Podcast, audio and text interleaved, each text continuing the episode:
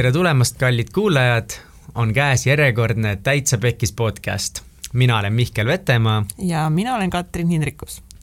täitsa Pekkis podcastis me räägime ägedate inimestega nende elust, nende mõtetest, nende tegudest ja asjadest, mis lähevad nende elus pekki. miks need asjad pekki läksid ja kuidas nad sellest kõigest välja tulid ja tänases episoodis on meil külas Tiit Trofimov kes on tõesti üks väga inspireeriv mees ta on äh, oma elu jooksul äh, korda saatnud nii mõndagi. ta on teinud väga-väga palju erinevaid äh, asju, aga just viimastel aastatel on ta võtnud siis ette sellise spirituaalse teekonna, leidmaks siis iseennast ja ja naudib seda teekonda ja reisib mööda maailma ringi. aga enne, enne seda, kui ta tasakaalu leidis, siis on Tiit olnud äh, jalgpallur ja samas on ta ka müünud näiteks banaane ja margariini ja, ja olnud kuskil äh, Venemaal koos äh, tšetšeenidega Peterburi korteris kokku lugenud raha, mida nad teenisid Tais toodud kauba müümisega. jah et eh, Tiidul on lihtsalt nii palju lugusid, mida, mida, mida meiega jagada ja aga tänasel päeval siis eh, Tiit tegeleb eh, Osho aktiivmeditatsioonidega ja teeb ka Kundalini tantrajoogat ja siis ka veel tera-, sidekoeteraapilist massaaži. ja jah, Tiit on üks väga-väga huvitav meesterahvas, kellega me arutasime just, et ainult niisuguses pinna, jõudsime tema pinna niimoodi, pinda ainult puudutada. ja, et on Aga samuti see... Mehe sügavaim tõde seminari looja. üks loojatest. üks loojatest, just. jah, koos Raivo Johansoniga teavad seda, jah. jaa super super, ühesõnaga Tiit on meil külas ja, ja me oh my god. nii. Ma ei tea, mille peale see Mihkel nii naerma hakkas iseenda peale, sest ma ei saanud aru, kas sa ütlesid juba, et on see sügavam tõde või mitte ja siis ma sattusin nii segadusse. Kas ma ütlesin, et Tiit on sügavam tõde? Seda ma kindlasti ei öelnud Tiit ja muideks, Tiit on ka sügavam tõde. Ei, ei, ma ei öelnud seda nii et nautige meie väga huvitavat vestlust Tiiduga ja nautige pühade aega ja olge koos lähedastega ja ja me väga vabandame, sest osa ajal mingi ilge piiksumine võib käia taustaks kuskilt, see Egert käis mööda stuudiot ringi, otsis seina seest mingisuguseid seadmeid ja kuskil kõrvalruumidest mingi asi piiksus kogu aeg, nii ma loodan, et see väga kõvasti teie kõrvadesse ei kostunud. aga ka minu poolt teile rahulikke pühi. head kuulamist! head kuulamist! Ja tere tulemast siis, kallid kuulajad, taaskordne osa teie ees ja täna siis kahekümne neljas detsember, nii et kõigepealt äh, rahulikke jõuluaega kõigile ja ma arvan, et äh, tänasel pühade perioodil ongi meil just väga-väga õige inimene siin stuudios, äh, Tiit, kes alati, kui ma Tiitu näen, siis tema soe energia on, on täiesti teistsugune, mida ma nagu pole üldse kogenud ja kui sa Tiitu näed, siis temast kiirgabki positiivsust ja sellist kuidagi tasakaalu. nii et tere tulemast, Tiit! tervist! tere, Tiit! suur rõõm, et kutsusite! jaa, Tiit, ka praegu sellisena, nagu ma sind kirjeldasin, aga ma tean, et sa vist äh, päriselt ei ole terve elu olnud nagu selline, et milline oli teekond siis sellele, kuhu sa oled praegu jõudnud noh, ütleme, et ma sihuke südames ma olen küll terve elu elanud, aga võib-olla mitte nii teadlikku elu elanud. Ja tegelikult äh, mul on isa olnud niisugune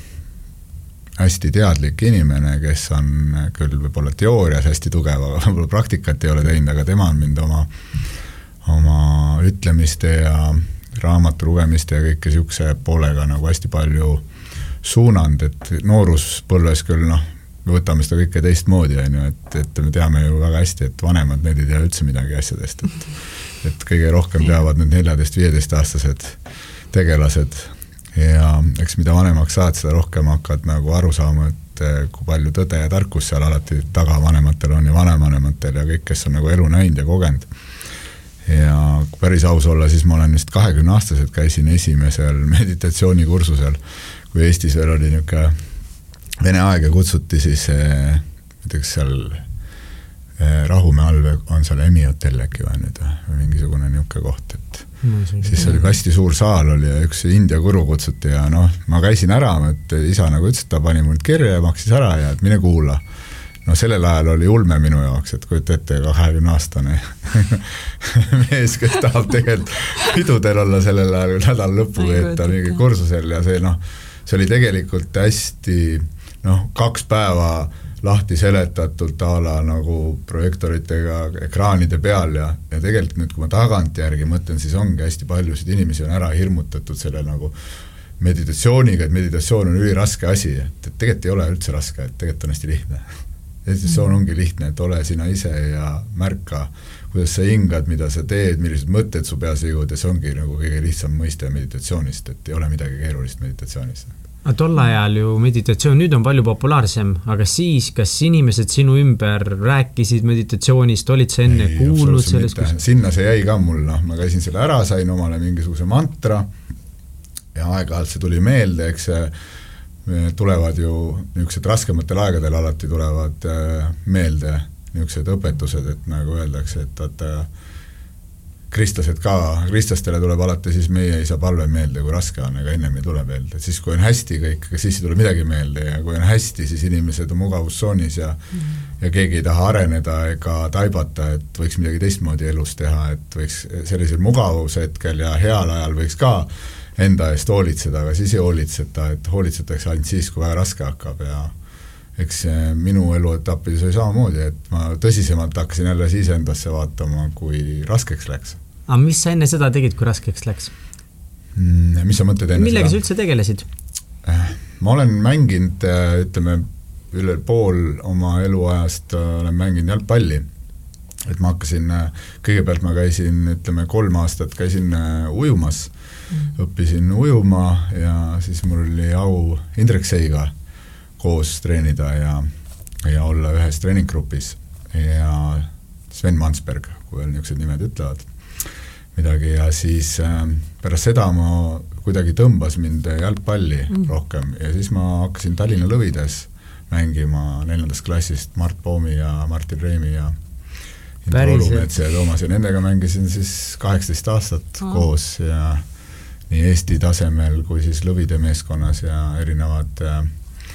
põhimõtteliselt erinevad siis turniirid Euroopas ja tegelikult sellel ajal meil Euroopat veel ei olnud, sellel ajal oli meil Venemaa, et ma mm. olen tegelikult, ma olen terve Venemaa läbi praktiliselt reisinud nagu sellel ajal. et nii, et äh, lennukiga sõitmine, et vahest lähed äh, kõrvaarsti juurde, siis esimene küsimus on, ega sa lendur ei ole, noh nii palju lennanud elus, et kõrvad vist on juba nii palju vatti saanud selle müraga, et oh. et küsib, äh, küsitakse jah vahest, et ega sa lendur ei ole nii on. aga mis pärast jalgpalli sai? pärast jalgpalli ma läksin äh, ülikooli, sest oli täpselt see aeg, et tegelikult meil oli hästi hea Kamanda, aga nagu ikka, see tuli siis, sellel ajal oli veel Nõukogude sõjavägi kukil kõigil ja, ja siis äh, sebiti põhimõtteliselt ära meile nagu Tallinna Ülikool, sellel ajal oli Pedagoogika Instituut.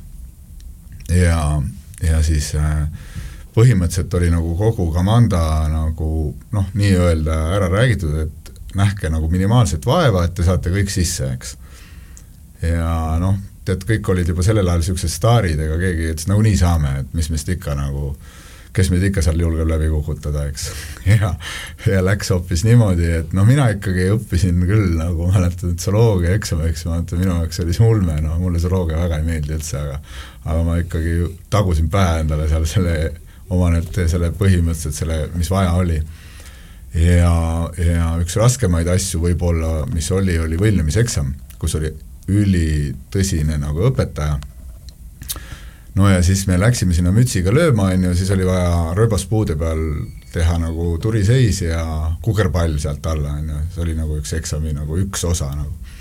Loomulikult sealt eh, enamus kukkusid sealt alla, on ju, põmmak ja põmmak ja ja teistel oli nii lõbus, et kõik hakkasid naerma, on ju, kõik võtsid nagu lõdvalt, keegi ei häbenenud midagi, aga lihtsalt see oli nii naljakas, eks. siis no on nagu on, nagunii saame läbi. aga siis sellel lihtsalt selle õppejõul viskas nagu tegelikult ära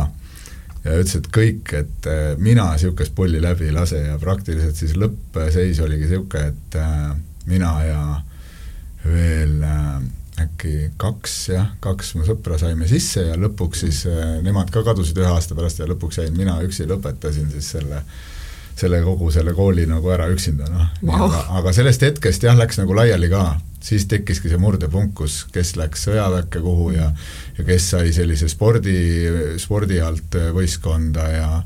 ja eks see murdeiga ka tuli peale ja kõigil oli nagu päris aus olla, siis me olime hommikust õhtuni trenniga ainult tegelenudki, et kõik suved möödusid nii, et äh, praktiliselt kaks trenni päevas, noh.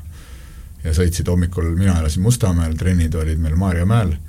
et kell äh, üheksa hakkas treening, et nii, et noh, kujuta ette, et läksid kaheksast, läksid bussi peale ja üheksa olid trennis ja järgmine trenn oli kell kolm õhtul, nii et äh, ja kui trennid olid kolmetunnised, mitte ühetunnised nii et et ainult trenni tegid ja ma arvan, et eks see tekibki see, kui sa midagi liiga palju, ma olen hästi paljude sportlastega rääkinud, et mingist hetkest lihtsalt, kui iga karistus oli meil nagu kas kukerpall või või etteastehüpetega ümber staadioni hüppamine, ükskõik, mis sa valesti tegid, et yeah., et siis see oli niisugune nõukaaja treening, et äh, tänu sellele me saime hästi tugeva distsipliini ja tänu sellele ma olen nagu hästi kohustundlikuks saanud. aga teistpidi jälle noh, me olime ikkagi sellel ajal veel lapsed ja noh, meiega noh, selles mõttes on ikka traumasid ka tulnud sealt päris kõvasti nagu, et ikkagi niisugust mhm. äh, pehmet suhtumist väga ei olnud, et räägi ka, et lapsega nagu lahti asjad, et kui on mingeid probleem, et pigem järgnes äh, igale eksimusele järgnes karistus, hästi tugev karistus alati. et kas sa tundsid nagu stressi või niisugust väga pinget ka, kas sa kartsid neid karistusi saada? eksida kogu aeg, kartsid nagu eksida nagu mm sa teadsid, kohe järgneb et isegi ma ütlen, et mu enda, ma jagasin seda ühel seminaril ka, mis mul nagu üks kõige suurem hirm oligi, et noh, meil nagu tavaliselt järgnes, järgnesid niisugused karistused, võin tuua paar näidet, et inimesed ei usu, aga kui kes on noh, võib-olla näinud filmi nõukaaegsest, on ju, hokikoondisest, kes oli see kuldne viisik ja nad on rääkinud siin, andnud intervjuusid, et mismoodi trenni tehti et kuidas treener nagu noh, põhjus magasid uisud jalas ja hoki käib kaisuseks, on ju, et treeneri nõue oli see. et siis meil oli näiteks niimoodi, et kui me kuskil, mäletan, Tbilisis vist kaotasime niimoodi eelfinaali, ütleme poolfinaali eel vist üks-null kaotasime mingi Peterburi võistkonnale seniidile, mis oli väga, üks Nõukogude Liidu kõvemaid võistkondi, eks. pagana piiksud meil käivad, ma ei tea, kes ta on. ja siis, ja siis äh, vaimud on kohal ja, ja, vaimud on kohal ja siis meil nagu pärast oli siis, see mäng lõppes vist kell kaheksa õhtul ja siis treener ütles, et nii, et sitasti mängisite, nüüd läheme ehitusele. Läksime mingile suvalisele ehitusele, kus olid siis suured niisugused noh, poolemeetrise läbimõõduga gaasitorud, mingisugune sada tükki. ja nüüd te hakkate neid torusid siis ühesõnaga siit läbi nagu uhama, et eh, niikaua, kui ta selge on, et eh, tuleb nagu paremini mängida, eks. ja siis me panime niimoodi, et põlved ja seljad olid katki kõigil, eks, ja ja siis äh, noh, ja siis järgmine päev loomulikult suurest hirmust me mängisime nagu ikkagi, võitsime ära ja mängisime väga hästi, eks. aga noh, kas see on nüüd õige taktika, seda ma ei oska öelda, sellel hetkel ta toimis või siis noh, mis iganes seal Peterburis ma mäletan, et oli ka mingisugune kehvem mäng oli ja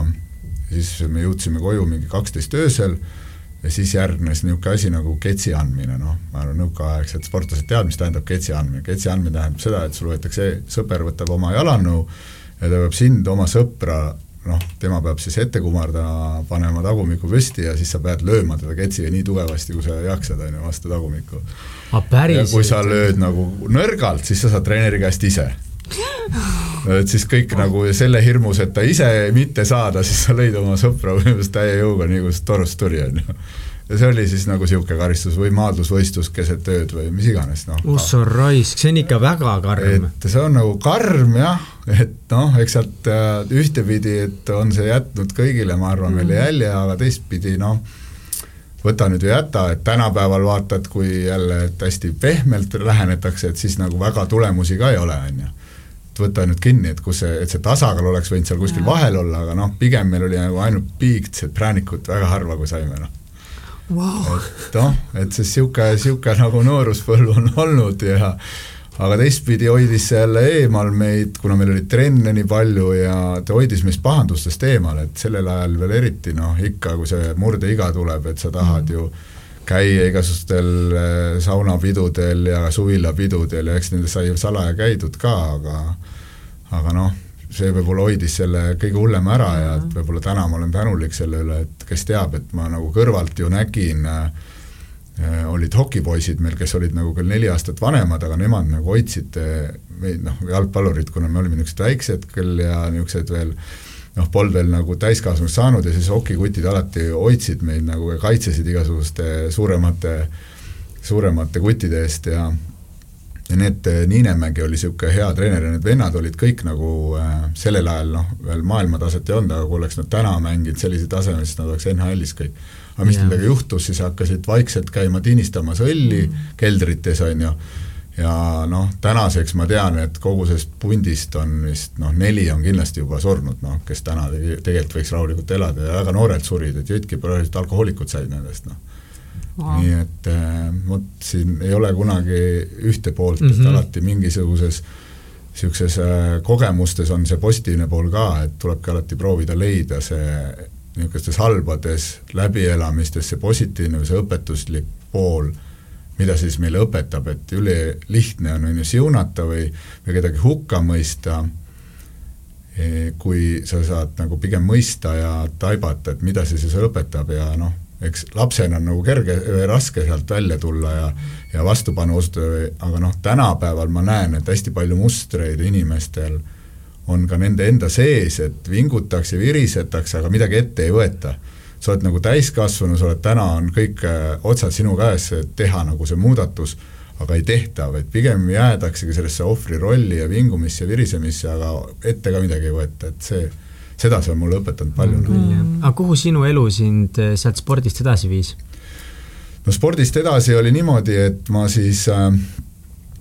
õpetasin ülikooli ära ja noh, sellel ajal küll mõtled, et eh, oh, nõme tegevus see koolis käimine, see ülikoolis, et tahaks juba noh, nagu ikka kõik kõrvalt äh, lapsed ju vaatavad oma vanemaid, ütlevad, et mis teil viga, teil on, käite tööl, teil on oma raha, jube äge, et hakkaks, hakkaks juba ise ka tahaks rutem juba teenima hakata praegu mõtled, et tahaks minna tagasi sellesse, nendesse koolidesse ja olla seal mingites talvelaagrites, on ju, et kus, kus oli nii äge ja chill ja niisugune nagu noh, eriti sellel veel nõukaajal, kus vaata, oli nagu mingil määral olid kõik võrdsed, et ei olnud niisugust üleolemist, vaid keegi mm. oleks kellegist parem või kellel oleks suuremad võimalused, ei olnud niisugust asja. kõik olid võrdsed? kõik olid võrdsed ja reaalselt mõtlesid, et noh, kui eriti ma mäletan, kui ma nüüd veel nagu niisugust nädalalõpu äh, nädalalõpu mingit, mitte nädalalõpp, isegi terve nädal olid Otepää laagris, mingi suusatamislaager on ju, et äh, siis meil oli seal ka üks niisugune huvitav õpetaja, Hans Kross, kes tegelikult õpetaski Andrus Veerpallu nagu suusatama õieti tehniliselt ja siis noh, prooviti meile ka seda õpetada, mis sa arvad, noorest peast mõtled, et kuule, milleks seda jama vaja on, mis asja, kuidas küünarnukk on, millal kant tõuseb, kuidas kepp liigub, on ju, noh, sa pidid nagu nii punktuaalselt selle kõike, selle eksami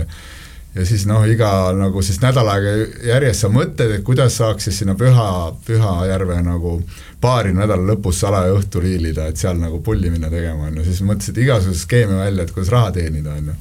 no küll siis neid variante seal tuli, küll korjati, korjati pudeleid ja küll käidi mingeid asju müümas ja mis iganes, aga see pidu oli, pidu ei jäänud kunagi ära, vaata, et see oligi see vahe, mis tänapäeval, tänapäeval lähevad noored, küsivad vanematelt, on ju, et pittu minna, et ise mm. ei viitsita väga vaeva näha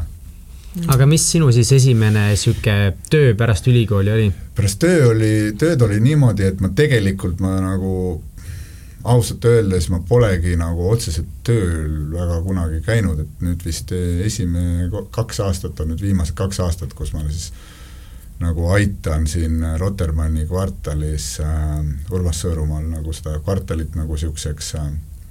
ägedamaks ja ubasemaks muuta ja tema on nagu siis nagu palunud noh, vastastikku siis äh, üksteist aitame, et äh, et oleme leidnud niisuguse nagu hea koostöövormi ja siis äh, aidanud tal seda niisugust äh, Adila puhkekeskust kus siis nagu luuaksegi välja niisugust äh, joogakeskust, kus siis inimesed saaks käia ja oma enesearenguga tegeleda ja kursuseid korraldada, et noh, kuna Urmas ise on ka hästi tugeval ene-, enesearengu teel ja, ja hoolib enda tervisest ja hoolib mm -hmm. sellest, et ta saaks nagu ka seda ühiskonnale edasi anda, et siis on hästi tore ja meeldiv see koostöö olnud, et noh, kuigi vahest eks meie egod ka teinekord põrkuvad ja ega seda, seda tuleb ka ette, aga aga ikkagi suurem osa on meil väga meeldiv nagu koostöö olnud. aga mis sa siis tegid? kuidas sul õnnestus niimoodi, et tööl ei pidanud käima? tead sa, see oli see aeg, kui oli ju tegelikult veel äh, rubla aeg ja siis, kui äh, mina ise pole Viru ärikas kunagi olnud, aga siis ma kuidagi sattusin kokku niisuguste inimestega, kes olid olnud mm. -hmm. ja nemad siis sellel ajal hakkasid käima Tais kõik, et äh, kõige popim asi oli siis äh, Tais teksaseid ja igasuguseid asju, mis vähegi võimalik äh, värviline ja mis tundus, et on äge, mida eestlane kindlasti vajaks, siis hakati Tais käima ja mina ka põhimõtteliselt laenasin sellel ajal oma esimesed äh, viis tuhat dollarit ja ja siis võtsin ka, ütlesin, et davai, võtke mind punti ja ma tulen lihtsalt tiksun teil sabas ja vaatan, õpin okay., õpin, kuidas võtmeid kätte anda, on ju. kust sa laenasid? kuidas? kust sa laenasid viis tuhat dollarit? ma sain ühe sõbra käest laenata, et ja. ütlesin, et laena mulle, et noh, mul on, ma arvan, et ma saan sulle selle nii kui tagasi tulen kuu aja pärast, no võtsin selle riski, et eh, eks iga iga niisugune hea äri ju nõuab alati esialgu riski ja julgust eh, võtta seda otsus vastu, et mm, -hmm. et ega sa niisuguses turvatsoonis nagu head äri kunagi ei tee, et, et sa peadki kas vastu voolu ujuma või siis äh, vaatadki, mida targemad teevad ja proovid nagu selle järgi siis ka nagu liikuda ja, ja märgata, et, et mitte ei hakka ise sealt mingit Ameerikat, esialgu on kõige lihtsam see, et noh, mina olin sellel hetkeks äh, äh, ma ütlen kohe, mis ma siis olin, kakskümmend kolm, kui ma läksin Taisse esimest korda issand, ma kahekümne kolme aastaselt panin hullult tühja lihtsalt veel no,. no mis te tegite seal Tais siis? no siis läksime sinna ja kõige huvitavam oli, mul on meeles siiamaani, et esimene noh, minu niisugune välis, iseseisev välis nagu lennureis, et ma olin enne seda, olin jalgpalliga käinud nagu ütleme, niisugust Euroopa mõistes olin käinud Saksamaal, olin käinud äh, Prantsusmaal, olin käinud Ameerikas, on ju mängimas Helsingis ja kõik niisuguse Rootsi ja noh, niisugused lähemad kohad ka, Ameerika oli võib-olla kõige kaugem koht, kus me tookord sain käidud. aga siis ma läksin Aasiasse jah, ja põhimõtteliselt nagu iseseisvalt, eks mu vanemad on alati, no isa on mul niisugune chill, aga ema on hästi pabistav olnud, et kuhu sa nüüd jälle yeah. lähed, on ju, et küll seal ülikooli ajal käisime ka bensiini business tegema, et ise ei teadnud täpselt, kuhu me lähme, võtsime kolm kursavenda ja teadsime, et mingid mingid pätid käivad toomas, võtsime bussi, panime tühjasid kanistreid täis ja läksime läbi Peterburi. pidime üle, üle, üle veel saime nagu üle sealt piirist ilusti, on ju, aga tagasi tulles pead siis üle jõe sõitma kuskilt, eks et, et kuskilt noh, sest et piirikontroll ei lubanud bensiini Venemaalt tuua. siis smugeldasite üle jõe? no ei saanudki smugeldada, sest siis selgus see, et jõudsime kohale, et siis see vend oli kellelegi just, kellega meil oli kokku lepitud, oli just kellelegi parseldanud maha selle meie bensiini ja nii et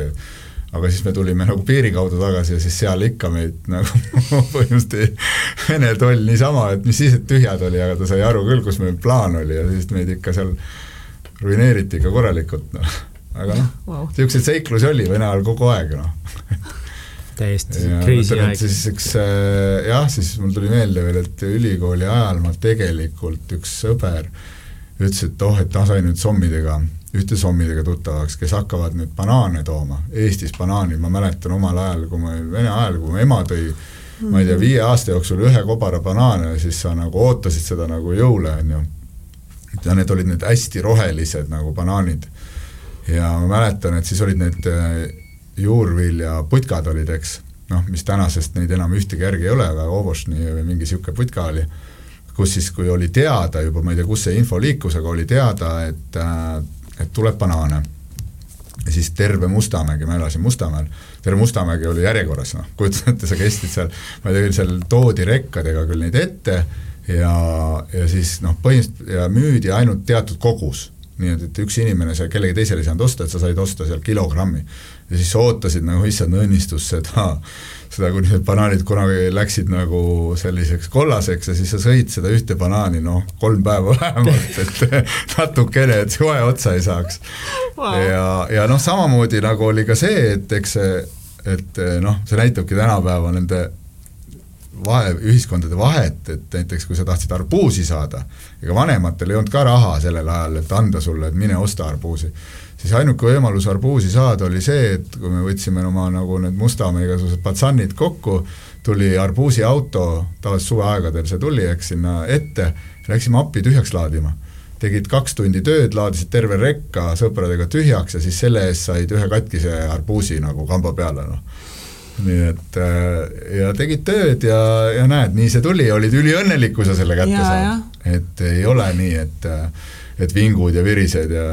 isa ja ema ostke, on ju, et sealt tulebki see nagu vaata sisse juba see, et ise pead enda eest hoolitsema hakkama. Seda on megalt raske on ette kujutada kõiki neid, eks ongi ja. meil noh, minuvanustel meil ikka emad ja vanaemad on rääkinud neid lugusid sellest mm -hmm. ajast, et kui ikkagi midagi ei olnud ja, ja kuidas, et midagi saada, mis sa tegema pidid, aga ikkagi noh, sa kuulad, aga ikkagi nii raske on mõista. No, nii raske on sellest no ma võin sulle öelda, tennist me mängisime niimoodi, et, et tegime olümpiamängud, on ju, terve noh, meil oli seal üks üheksakordne ja kolm viiekordset hoovis suures ega siis sellel ajal ei olnud ju midagi toas ei olnud teha, sa pidid nagu iga nagu moment oli välja ronida, siis sa ronisid välja. siis me tegime mingid olümpiamängud, mingid suuremad kutid orgunnisid, kus oli siis noh, kuidas me siis maraton oli nii, et pidid ümber, ümber kvartali jooksma nagu mm, -hmm. nagu üks start oli, kes mitmenda jõuab ja siis loodi, pärast löödi need punnid kokku ja tennist mängiti nagu, autosid oli vähe, sa said, tõmbasid tee, võrgu lihtsalt assadi peal laiali ja nii mängiti tennis, ise joonistasid kriidiga platsi ja ja, ja, ja oli õnnelik, oli, need, kellel oli tennisereket olemas, niisugune puu tennisereket, mis kaalus kümme kilo, on ju. aga Taisse tagasi minnes, et äh, siis oligi ja lendasime, lendasin nende kuttidega, need, aga noh, see oli see aeg, kus äh, lennukis võis suitsetada ja kus lennukus oli piiramatu kogus alkoholi, et joo, joo nii palju, kui jaksad, on ju. et peaasi, et klient on rahul, on ju no see tulemus oli see, et need eh, kahe sõbraga, kellega ma läksin, sest nemad olid nagu täiesti nagu noh, juurviljad nagu põhimõtteliselt, et üks magas seal vahekäigus pikali maas ja teine magas nii, et seal pea oli istme peal ja põl-, põlvede peal, noh jõudsid niimoodi täisse kohale, mul oli endal nii häbi, mõtlesin täiesti metsas. aga kas terve lennuk oli selline, kas kõik no, kasutasid seda võimalust? pool lennukist oli siuksed. kujutad sa ette? suitsetati nonstop, noh, niimoodi, et äh, see keegi ei kujuta ette, minu Mina näiteks ma isegi ei kujuta täna ette, et äh, kui keegi lihtsalt tuleks nagu lihtsalt, kes on nagu paandunud suitsetamisega oma riietega, mul oleks nagu juba väga paha olla. sellel ajal sa võtsid seda normaalsust, eks ööklubides ka ju suitsetati yeah. ja see, et lennukis suitsetati, see oli nagu täiesti okei okay. seda ma ei kujuta ette. no siis jõudsime kohale ja eks siis läks nagu niisugune osturalli lahti, läksimegi, läksime turule, kus on Tais on niisugused nagu mis tänapäevalgi on veel alles siiamaani, ega pool Venemaad käib siiamaani sealt nagu turu pealt asju ostmas nagu ja saadab konteineriga ära, et äh, ja nad viivad, müüvad siis ise oma turule jälle edasi, et äh, läksidki, ostsid turu pealt teksased ja taikad on üldiselt hästi ausad, noh sellel ajal oli nagu ikkagi venelasi praktiliselt ei käinud, eestlased olid nagu esimesed, kes üldse selle nagu avastasid, selle Tais käimise ja venelased ostsid pigem eestlaste käest kaupa. Mm.. et niipidi olid asjad. ja ma mäletan, et kui äh, siis ütleme, aasta hiljem oli, ilmusid kuskilt venelased ka välja, sest nende kogused on ju midagi muud üldse, on ju, et kui meie ostsime seal nagu noh, kui sa saad kamba peale, kolme peale said konteineri täis, et seda, mida siin maha ka suudad müüa, siis venelased võtsid nagu kümme konti nagu üks inimene noh, korraga, et enam-vähem kolme asja ostiski ainult ja mastaabid olid nii suured. ja siis mul on siiani meeles, et kuidas nagu taikaid vene keelt õpetati rääkima et ühesõnaga oli mingisugune plätude, kus me plätusid, kunagi saatsin plätusid ka kusjuures ja ära ostis neid ETK nagu süsteem, kes tänaseks on siis Maxi Marketi süsteem. Nemad ootasid, küsisid, millal juba tulevad teil plätud, on ju, kõik osteti ära ja sularahas maksti välja kohe. kübarad, plätud, sokid, noh, see isegi, noh, sellel ajal ei olnud siin mitte midagi saada. sa läksid sinna, sul olid näidised kaasas, tahate, mul on niisugused kogused, praktiliselt sul olid kohe ostetud ära ja kes müüs valuutapoodi, kes tahtis rohkem raha, on ju need nagu siis müüsid seal valuutapoodi seda kõike, eks. aga mis aastad need olid? oo oh,, mis ta on hea küsimus, kaheksakümnendad kaheksakümmend viis või äkki midagi, sest see on ju, üheksakümnendatel tuli juba vaata niisugune nagu metalliaeg ja see aeg peale, et ja, ja siis, kui ma ennem rääkisin banaanidest, siis mm. banaaniäri oli niimoodi, et ise käisin müümas äh, siinsamas lähedal, kusjuures Paldiskil, kus on praegu siis ehitatud Äh, kus on see Rocca al Mare bowling? Tuleb ette, on ju. selle koha peal oli aut-, oli siis äh, nagu niisugune Rocca al Mare turg või nii nimetatud, et kus siis iga laupäev-pühapäeval tulid kõik, kõik, kellel midagi müüa oli, panid oma autode peale, kapoti peale nagu siis riided ja siis kapottide peale hakati asju müüma, on ju. ja mind siis võeti punti, üks sõber võttis punti ühtede sommidega, kes siis äh, tõid banaane, banaan oli niisugune tehka sellel ajal. ja kuidas banaane müüdi, banaane müüdi ühekaupa ja kaks marka oli sel ajal tükihind. ja vaikselt me tulime nagu bussiga müüma, mingi kell kuus, viis hommikul umbes veel laadisid nagu bussi täis jõudsid sinna kella kuueks ja kella kaheksaks olid ühekaupa kõik banaanid müüdud. nii kaua, kuni siis äh, mingi hetk tulid ühed setseenid sinna, kes ütlesid, et nii, et me ostame nüüd iga kord, kui te toote, me ostame teilt käsi sularahas, ostame kogu koorma ära aidake meil lihtsalt sinna Balti jaamas nagu rongi peale laadida kogu kaup ja ja siis ma vahepeal veel käisin Peterburis ka, elasin nende tsetseenidega koos ja vaatasin said nagu noorest peale kohe ettevõtja? emale ma ei julgenud öelda, et ma tsetseenidega lähen koos elama, aga, aga wow. käisin, noh, ma ette, et ma ettevõte pigem oli vaata niisugune ikkagi noor, kes noh, pooleldi ikkagi õppis, kuidas asjad käivad, no see, mis oli Venemaal sellel ajal, et see oli nagu täis ulme, et need vennad olid nagu noh, see oli nagu täpselt see reketi aeg, kus kõik olid nagu noh, reket, ma ei tea, kas te teate üldse sellist sõna? Reket on ühesõnaga siis see niisugune nagu moodsas keeles niisugused mafioosod, aga kõik olid mafioosod. ja päevas sa said siis nagu, nemad nagu võtsid siis inimesi tööle, kes siis olid nagu,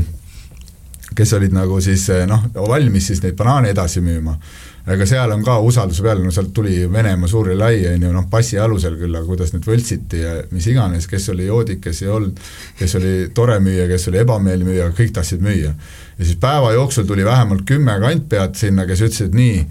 nüüd, et öelge oma ülemustele edasi, et nüüd olete teie nagu meie omad kogu oma kauba ja kõigega ja siis, äh, siis põhimõtteliselt ja ja kogu siis raha, mis te teenite, annate meile ja need, need, kes teil nagu päris ülemust, need saatke metsa, on ju no mis siis muidugi see tseenid jälle püssid vöö vahele jälle klattima asju niimoodi kümme korda päevas mööda linna ringi käidi ja jaurati, et sa saaks rahumeelset tööd teha, eks no niisugune aeg oli, lihtsalt politsei ei sekkunud, sest politseil ei olnud midagi teha, see oli nii segane aeg, et lihtsalt see on Eestis ka siin olnud, eks, et kui vaata, olid ju mingid juhtumid, et äh, Asta Kommer äkki või, et va, siin mingisugune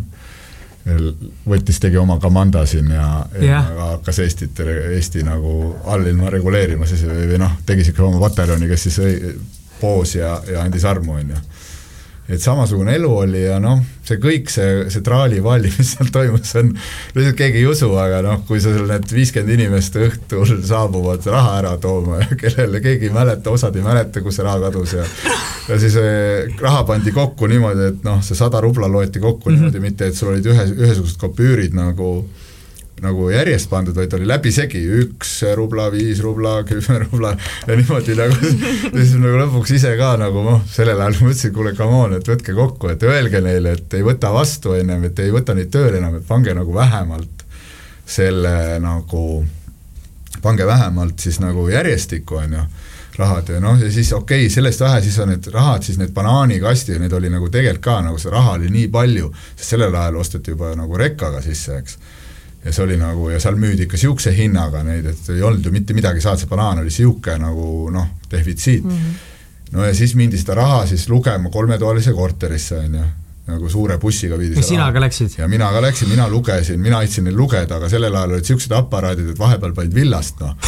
et nagu luges, panid küll, et sada seda ühesugust, et peab saja kaupa pakid olema, on ju. vahepeal vaatad, et nagu poole rohkem on ühes, nagu näitab küll sada, aga pakis on poole rohkem, noh. aga üle ka ei viitsi lugeda, kõik ütlevad, aga las ta olla, vahet pole, pandi niimoodi kasti jälle, siis mindi valuutavahetusse ja ega need ka ei viitsinud lugeda, need ka andsid sulle selle järgi usalduse peale raha veel, noh, ja niimoodi käiski. Ja sellel ajal noh, inimesi Venemaal nagu põhimõtteliselt noh,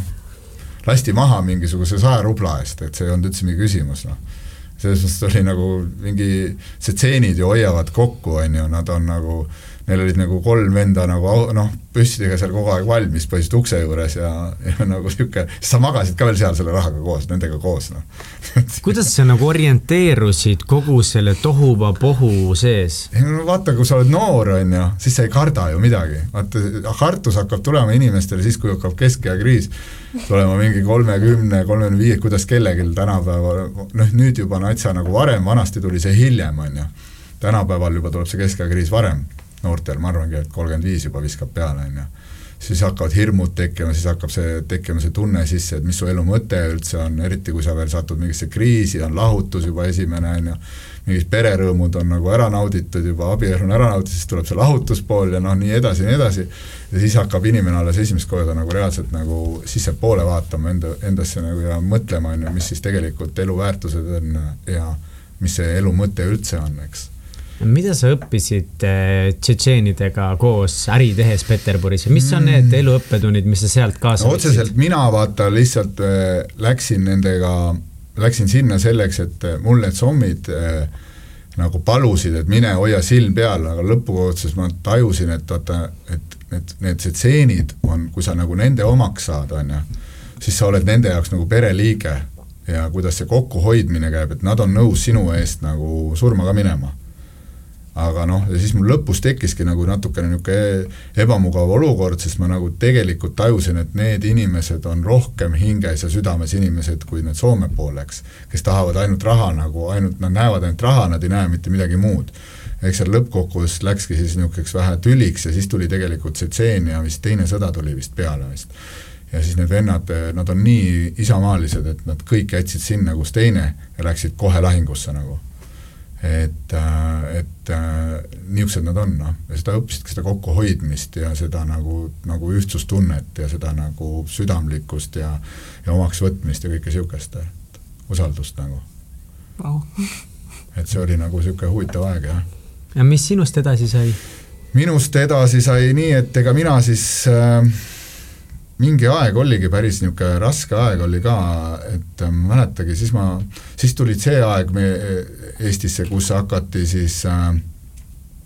kus hakkas niisugust Euroopa kaupa liikuma, eks. et adidressid ja kapadressid mm. ja kõik üli- ja nahktagid ja ja siis oli, siis ma nagu vahendasin mingi hetk neid asju, et mul mingid sõbrad said kuskilt kätte, panid juba oma kirve vahele, aga seal hinda, lõpphinda kunagi ei olnudki. sest inimesed nii väga tahtsid värvilisi asju saada et kõik oldi valmis ära ostma mm. nagu. Ja siis ma nagu vahendasin neid asju seal nagu mingi aeg ja siis lõpuks nagu jõudsin, jõudsin nii kaugele, et et hakkasime nagu ise juba, nagu piirid läksid lahti, siis tulidki need perestroika aeg, eks, ja kus tehti isegi vaata hästi palju dresse, et põhimõtteliselt osteti mingisugust ühte värvi ja mingid maratodressid ja siis löödi sinna äh, moodsad nimed peale, on ju. löödi, kas see on kapo või mingi kummitempliga põhimõtteliselt löödi peale asjad ja, ja siis see läks jälle kaubaks kõik ja kui sinna nüüd Paldiski turul äh, tagasi tulla, siis sellel ajal alustas noh, keda Toomas Tooli teavad kõik, on ju, täna, kes on noh, Eestis ka üks rikkamaid inimesi, ei tea, ei tea, okei. Aga sa saad guugeldada pärast, et äh, ja tema oli see mees, kes sellel ajal müüs siis neid šokolaade. mm Tuplasokolaadid ja noh, kõik need niisugused moodsamad, mis Soomest kätte sai, mhm. on ju. Niisugused eh, šokolaadid ja, ja oli ise seal, samas oli rekka oli lahti ja šokolaadi täis ja praktiliselt müüs mehukatti, oli niisugune apelsini nagu yeah seda, seda oled mhm. kuulnud, on ju, apelsini nagu siis äh,, kuidas siis öelda, kontsentraat, millest siis nagu apelsini maitse vist nimetatud mahla said teha, on ju. ja seda müüdi nagu meeletutes kogustes, nad müüsid selle rekka tühjaks iga, iga laupäev nagu pühapäev, noh, nii et sealt nagu see algust algi, on ju ja mul tuleb see meelde, ma võin rääkima jääda, noh, kuidas ma margariini olen müünud, ise olen turul müünud margariini, sain Soomest kätte, ostsin ka mingite sõprade käest, kes tõid, kellel oli sidemed sees Soomes, kes said Soomest selle kätte. Ja siis müüsin ise nagu toidupoodidele, mul oli sellel ajal Tallinna, Tallinna pood oli nagu väga tuttav, oli nagu juhataja ja temale müüsin siis selle margariini edasi kohe, tema maksis sularahas välja ja siis sellest poelettidel ei olnud midagi nagu peaaegu noh. kas sa olid rikas mees sellel ajal? ei olnud, sellel ajal mul oli see, et mul oli hea elu noore inimese kohta, sest mul ei olnud kunagi rahast puudus nagu, et ma sain endale auto osta, ma sain äh, käia pidudel, mul oli nagu, aga mul üle ei jäänud midagi. ega iga esmaspäev hakkasid jälle mõtlema, et nüüd peaks jälle otsast peale hakkama, noh et sellel ajal ma ei olnud nagu niisugune, et ah nüüd koguks ja koguks, et noh, targemad inimesed seda tegid, on ju, näiteks seesama Toomas Tool seda tegi, pani kõrvale või kõrvale, aga mina nagu elasin elu kogu aeg, mulle meeldis noh. ja ma ei kahetse päriselt ka praegu midagi, et ma nagu ei arva, et kui ma nüüd mega-mega rikas täna oleks, et ma näen ise, et noh, ega nendel inimestel ka nagu elu ei ole kerge, nad, nendel enda sees on väga suured teemad, on ju, sul võib raha olla, aga aga kas sa õnnelik inimene oled, see on nagu teine küsimus, eks. et rahaga õnne ei osta, seda ma olen nagu mitmeid-mitmeid-mitmeid kordi nagu oma elus juba seda kogeda saanud, et see õnn tuleb nagu täiesti kuskilt mujalt, eks, et sinu enda seest tegelikult mm. -hmm. et see on selleks mulle vajalik olnud, et ma mõistaks ja, ja võib-olla tänu sellele ma olengi rohkem sukeldunud sellesse sisemaailma. kui ma täna võib-olla ka elaks niisuguses mugavustsoonis, oleks heas äh, heas niisugused padja-vati sees, et tean, et mure, rahamure ei ole, aga aga ma isegi siis, kui mul olid väga head ajad, mul nagu kogu aeg tundsin, et midagi mu seestpoolt karjub, et see, et mul nagu peaks, mul on nagu perekond, mul on toredad lapsed, mul on maja, mul on autod, mul on raha väga palju, et noh, aga seest mul midagi karjus kogu aeg. Ja ma, ma ei saanud aru sellel ajal, et mis asi see on et mis see siis mu seest nagu niisugune kraabib kogu aeg, et, et kas ma nagu ei ole rahul oma naisega või ei ole rahul, et perel on nagu korras kõik, kõik on elus ja terved, et aga noh, et tegelikult ma tundsin ju, kõik on hästi, aga ikka nagu midagi kratsib seest, et äh, siis, et kogu aeg nagu ka äriasjad läksid hästi ja ja kõik oli nagu positiivne, aga, aga niisugune sisemine kutse nagu oli hästi tugev ikka endiselt sees, et midagi peab veel, veel, veel enamat siin elus olema, kui lihtsalt see väline pool, eks mm. -hmm. et sealt mul juba ka niisugused hästi tugevad äh, tugevad nagu tõuked hakkasid tulema selle poole, et ja ja noh, kui sa ise sinna nagu ei lähe, siis sind nagu noh, lükatakse, ütleme, see ei olegi nagu elu, vaata, see ongi nagu, kes, kui palju nagu üldse sellesse ringlusesse, kus me oleme sees, et kui palju sa usud, on ju et kuidas hing rändab ja et, et sina ise valid endale vanemad ja, ja siis justkui sind saadetakse kogema siia sellesse kehastusse midagi, mida sa eelmine kord ei ole ära õppinud, eks, oma eelmises kehastuses. ja siis sa, kui sa hakkad nagu neid asju märkama ja mõistma, kui palju meid tegelikult äh, mingeid situatsioone, me ei oska lihtsalt, vaata kui inimene on hästi pisi kogu aeg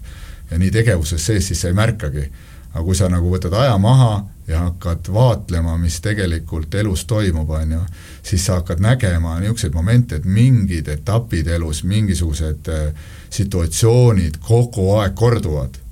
aga lihtsalt sa ei ole neid märganud, lihtsalt inimesed vahetuvad, aga mm -hmm. situatsioonid jäävad korduma. ja kui sa sellele aru saad, nii jälle, nii kaua sulle tegelikult õpetatakse, saadeti mingeid asju sind õppima siia, väga lihtsad asjad tegelikult aga vaata, inimesed ei julge nagu minna, astuda mugavustsoonist välja ja võtta riske, et okei okay,, ma võtan selle väljakutse vastu ja ma lähen uurin siis, mis seal taga on, et ja, või lasen lahti oma kibestumisest, lasen lahti oma valust, lasen lahti oma virisemisest ja sellisest õnnetuks olemisest, ohvri rollis olemisest, vaid nagu julgengi vastu võtta nagu elukutse ja usaldan elu. mitte, et ma julgen astuda ainult siis, kui mul on umbes äh, punane vaip ees ja niisugune pehme vatt on ümber ja siis ma lähen, et kui ma tean et, et sada protsenti minuga midagi ei juhtu,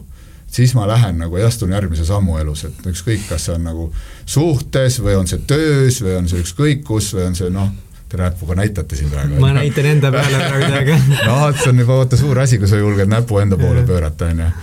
ja, ja isegi kui sa märkad, et tihti ega see ei tähenda seda, et ma ise ei vajuks sinna sisse teinekord on ju jälle uuesti, eks. aga see ongi see vahe, et eh, ma olen hakanud märkama ja ma olen hakanud eh, näppu samamoodi enda poole pöörama, ükskõik mis teemadel see on, et, et alati on ei ole, ei ole niimoodi, et teine on sinus, sinu hädades süüdi, et see tasakaal on seal kuskil vahel, aga alati on põhjust ka enda poole näpp keerata, et okei okay,, tegelikult on ju siin kaks poolt, on ju, et üks pool ei ole kunagi süüdi, et tegelikult on alati mingil määral on ka see teine pool. Yeah.. selles persooni või selles ähm, veebis meesolen.ee, seal on persooni lugu sinust ja seal on just ähm, üks koht, kus sa nagu võtsid kokku selle, et millal hakkas sinu spirituaalne tee rohkem ja seal on sul selline koht, kus on kirjas, et olen lahutatud, kaotasin kogu oma elu jooksul kogutud vara ja kõik minu unistused jooksid liiva, et mis olukord see oli, mis siis juhtus, kirjelda seda hetke oma elus. see oli, ma mäletan väga hästi seda, niisugused asjad ei unune nii lihtsalt, eks, aga aga kaks tuhat üheksa aastat enne seda ma olin siis äh,, olingi nagu läinud siis nendelt äh, Tais toodud riiete pealt olin läinud nagu kahe sõbraga, tegime niisuguse firma, kus me hakkasime niisuguseid kvaliteetsemaid äh, firma märke tooma nagu messidelt maale ja siis müüma niisugustele suuretele kettidele nagu Prisma ja Maxi Market ja Kaubamaja ja Selver ja et äh, kõik niisugused äh, suuremad äh, riietepoed Eestis ja et siis sellel ajal ei olnud veel niisuguseid nagu Viru keskusi ja asju, et, et sealt oli nagu see Tai, Taile siis niisugune jätk. aga siis mingi hetk, ma olin viisteist aastat teinud seda nagu riideäri ja ma lihtsalt mhm. tundsin, et ma ei tea, mul on nagu nii kõriauguni riietest, et ma nagu ma ei oska öelda, aga mingi asi, ma, ma ei tee seda enam rõõmuga, et ma tunnen, et see on minu jaoks nagu niisugune kuidas siis öelda, nagu noh, võib öelda nagu sunni, sunnitud, peale sunnitud või elu noh, et ma pean nagu midagi justkui tegema, aga ma ei, ma ei naudi seda enam. ja, ja enne seda noh, ma olin siis nagu siis äh, veel loonud kahe sõbraga ühe sellise nagu bowlinguklubi, mis siis sellel hetkel veel ei olnud väga palju bowlinguklubisid, enne seda oli üks vist olnud. Piirital tehti esimene bowlinguklubi kunagi. ja, ja. ja siis me tegime teise kesklinna, tegime siis Toolbox niisuguse nimega, mis oli siis tehtud niisugusest nagu nagu vanasse siis sinna peeglitsehhi, aga tegimegi niisuguse mõttega, et oleks nagu see, et ta ei oleks niisugune modernne, vaid ta olekski niisuguses nagu, nagu olekski vanas tehase tsehhis sees, et see sai siis sellest loobutud, et ma ütlesin sõpradele, et kui mina tahan äh, edasi liikuda, või tegelikult me müüsime selle, me müüsime ühiselt maha, aga siis veel noh, tänase päevani toimib, et Maxi Marketi all kardirada, mis on siis äh, Laagri Maxi Marketi all on üks kardirada, praegu on Unibet tema äh, nimi, vot selle me ka siis kolmekesi lõime ja siis mina astusin sealt mingi hetk välja, ütlesin mina, nii, kõik, mina lähen nüüd kinnisvarasse. mina hakkan nüüd kinnisvara tegema. et mulle tundus, et kuigi ma sellest nagu mitte midagi ei teadnud, no mitte, mitte kui kohe midagi, ma astusin täiesti tundmatusse, siis mulle tundus, sisetunne ütles, et see on nagu õige asi, kuna ma olin lugenud mingeid raamatuid läbi, isa ja oota, ma ütlen, mis selle raamatu nimi oli? Rikas ja Vaanise. just, Rikas ja Vaanise, jah ja siis, et seal nagu olid mm. kõik sellele, et kaks asja, et kas sa oled nagu börsil, on ju, ostad nagu kokku siis börsiasju või siis teed kinnisvara, mis on nagu sada prossa alati kindel asi, maa või kinnisvara, et see kuhugi ei kao, eks. noh, läksid siis, läksin sukeldusi sisse, hakkasin siis mingeid maid vaatama, mida kokku osta ja siis eh, ostsin maasid ja siis hakkasin sinna neid tehnovõrke rajama, ise ei teadnud mitte midagi, kuidas see käib, aga noh, kõige targem on alati nagu vähemalt kolme esimese lausega pead jätma mulje, et sa nagu jagaks asja. ja siis võtad niisugused firmad, kes siis kes siis nagu on asjatundjad ja ütleks okei okay,, aga, aga kuidas sina teeksid siis selle asja korda, noh. mina tean, kuidas ma teeks, ma tahaks sinu arvamust kuulata, kuigi seal taga tihti on see, et ma ise midagi ei teadnudki. ja siis ja siis said väga häid vastuseid oh. ja, ja usaldasid, sa nägid, need inimesed olid nagu oma elu, peaaegu terve elu sellega tegelenud, no kuidas sa siis ei usalda seda inimest, loomulikult usaldad aga ega sa ei saa näidata ka, et sa ise täitsa tuhane juss selles oled, et ja ja siis lõpuks on ikka, et sa oled juba seal sees ja niimoodi õpidki. ja niisuguseid asju koolis ei õpetata, koolis on kõik teooria, aga see, kui palju nüansse on ühe mingi arenduse või ehituse juures või sa ei tea isegi, aga see ongi see, et kui sa nagu oled äh, ise nagu normaalne inimene ja sa oled ja sa austad igat töömeest, isegi seda labidameest, ütled talle, patsutad õlale ütled, et sa oled nii äge vend, noh ja sa oled nii tubli, see, mis sa teed, et sa lihtsalt ei ole kellegist üle, vaid sa samastud, kui sul täna on vaja labidamehega asjad korda ajada, siis sa samastud ennast labidamehega. hüppad sinna kraavi, võtad labida, kas sa tahad, et ma aitan sind nagu pool tundi, et võtad selle labida kätte ja viskadki seda nagu äh, värki sealt välja, mida vaja visata on, on ju, ja see vend nagu vaatab, et mis mõttes, sa tuled nagu lihtsalt mingite viisakate riietedega, võtad läbida kätte, ütled vastu õlale, et oled nagu minuga nagu sõps, et ja siis pärast seda see vend nagu oli su jaoks nagu ütles, et ütle ainult, ma teen kõik, on ju, mis sa nagu palud mul teha, on ju. või kopamehed või mis iganes vennad, on ju, ja, ja olidki nagu nii sõps, et tihti nad said ise pistuleid oma ülemuste käest, et millega te siin tegelete, et miks te neid Tiidu asju ajate siin nagu, selle asemel, et oma tööd teha, onju. ma lasin ju kohe siis pärast seda, noh, et kuule, et äkki tõmbad siit siledaks ja siit teed kraavi väikse ja siia teed seda ja ja ja niimoodi see toimibki noh, ja olidki, olid nagu, omad asjad said tasuta ka veel pealekauba ära tehtud, sellepärast et sa lihtsalt olid nagu nendega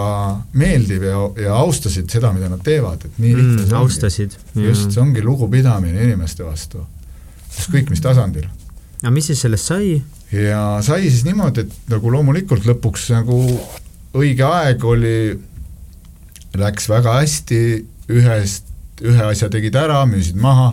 ostsid järgmise asja, ostsid järgmise asja, aga noh,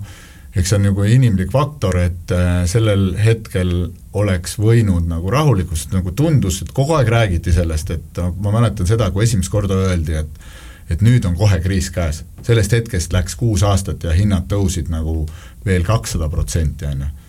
aga siis üks hetk ikkagi käis see pauk ära, see oli kaks tuhat siis üheksa kuskil seal, kaks tuhat kaheksa lõpp, kaks tuhat üheksa. ja mul oli selleks hetkeks siis hästi palju nagu niisuguseid noh, mis palju, aga suured asjad, et millesse ma olin edasi investeerinud ja edasi investeerinud ja edasi investeerinud ja siis ja seal taga olid omakorda inimesed, kes siis andsid nagu samamoodi nagu siis tegid lepingu, kellele, kellele ma siis ehitan, on ju, noh, niisugune läksin siis äripindade peale üle, et ärimaad ja äripinnad. Mm. ja tegin siis koostööd, noh, niisugune, kes Tänasilma tehnopargid täna on üles ehitanud, et proovisin ka vaadata, okei okay,, kuidas nemad teevad, läksin nende naabriks, siis oli SRV, on ju üks, üks suuremaid ehitusfirmasid, kes siin Eesti turul on, tegin nende naabrisse, teadsin, et sinna on suured ringteed tulemas, mis täna nüüd äh, kümme, ma ütlen kohe, palju, mis hilinemisega nad siis on, noh. praktiliselt kümneaastase inimesega jõuavad sinna, mis nad too hetk pidid, Eesti riik oli nagu juba lubaduse välja andnud, kohe-kohe tulevad. et see pidi kaks tuhat äh, vist kaksteist esialgu pidi nagu valmis olema, see ringtee. aga siis läks, no tuli see kriis peale, kõik pandi stoppi, on ju aga täna nüüd näete, mis toimub juba seal Laagri Maxi Marketi juures, millised ringteed yeah., vot, aga see pidi toimuma kaks tuhat kaksteist juba, on ju, ja mina tegin selle mm. oma plaanid nende järgi, et kui ringtee ääres on alati kasulik olla, ükskõik kus maailmas, eks, ja ma vaatan, kui juba suured firmad nagu Vergo Holding ja SRV siis äh, teevad oma investeeringuid sinna, siis on nagu mõistlik ise ka seal kuskil lähedal olla, on ju no vot, aga juhtus see, et kõik jooksis kokku nagu kõigil nagu, kes kinnisvara tegelesid, kes kinnisvara tegelesid, jäid ellu need, kellel oli oma finantseering, aga mina võtsin ka aina suuremaid asju, pangad helistasid ise, kas sa tahad kümme miljonit krooni saada? viimane kõne, ma ütlesin, et see oli veel enne seda suurt pakkumist, ma ütlesin, ma ei taha niisama raha võtta, praegu mõtlen, loll olen, et ei öelnud noh sellel hetkel oleks võinud isegi öelda, et ma ei anna teile mingit isegi nagu isiklikku käendust taha, et andke, aga ma, ja nad oleks selleks ka valmis olnud, noh, sest pangal oli kõige olulisem raha, ükskõik, võta ainult noh, võta, võta, võta, võta raha, et nagu nemad ei ka ei kujutanud ette, et see kriis võib nii ränk tulla ja nii tugev, eks. Aga ma sellel hetkel, mina ikkagi ei ole kunagi niisugust nagu pätti hinge sees et e, enamus, kes ellu jäid, kes täna on nagu meil väga lugupeetud siin inimesed, ärimehed, tegid niimoodi, et nende äri käis niimoodi, et kõigepealt võeti pangast raha, pool kohe tehti hästi ülepaisutatud äriplaan, kus oli nagu selgelt näha, et ah, pank nagu, pangal oli kõige tähtsam, et saaks raha välja anda, tema ei süvenenud väga üldse, et, et kas see vettpidav või et see äriplaan, siis tõsteti pool raha kohe kõigepealt enda kohvrisse ära ja siis hakati äri tegema ja vaadati, kas tuleb välja või ei tule, on ju ja, ja nii oligi, enamus muidugi ei tulnud. Aga nendel jäi see raha jäi alles. Ja tänu sellele, et neil see raha oli kõrvale pandud, eks nagu eriti veel noh, võib-olla see oligi see vanuste ja, ja generatsioonide vahe, et võib-olla need, kes olidki niisugused ma vaatan täna ikkagi Eestis on niisugused tublimad ja tugevamad äriinimesed on need, kes omal ajal ikkagi alustasid Viru hotelli ees äritsemistest, on ju mm. -hmm. ja nad olid nagu generatsiooni võrra, nad olid ikka kümme, viisteist, kakskümmend aastat vanemad, on ju noh, ütleme võrreldes minu vanusega, neil oli seda elutarkust rohkem, on ju. sellel hetkel mul oli ikkagi veel noh, ikka nooruse niisugune nii-öelda siis ahnus sees, et noh, kus on, sinna tuleb juurde ikka, sinna tuleb investeerida ja noh, nagu sa ütlesid, isa, rikas isa vaenis, et pane ikka edasi,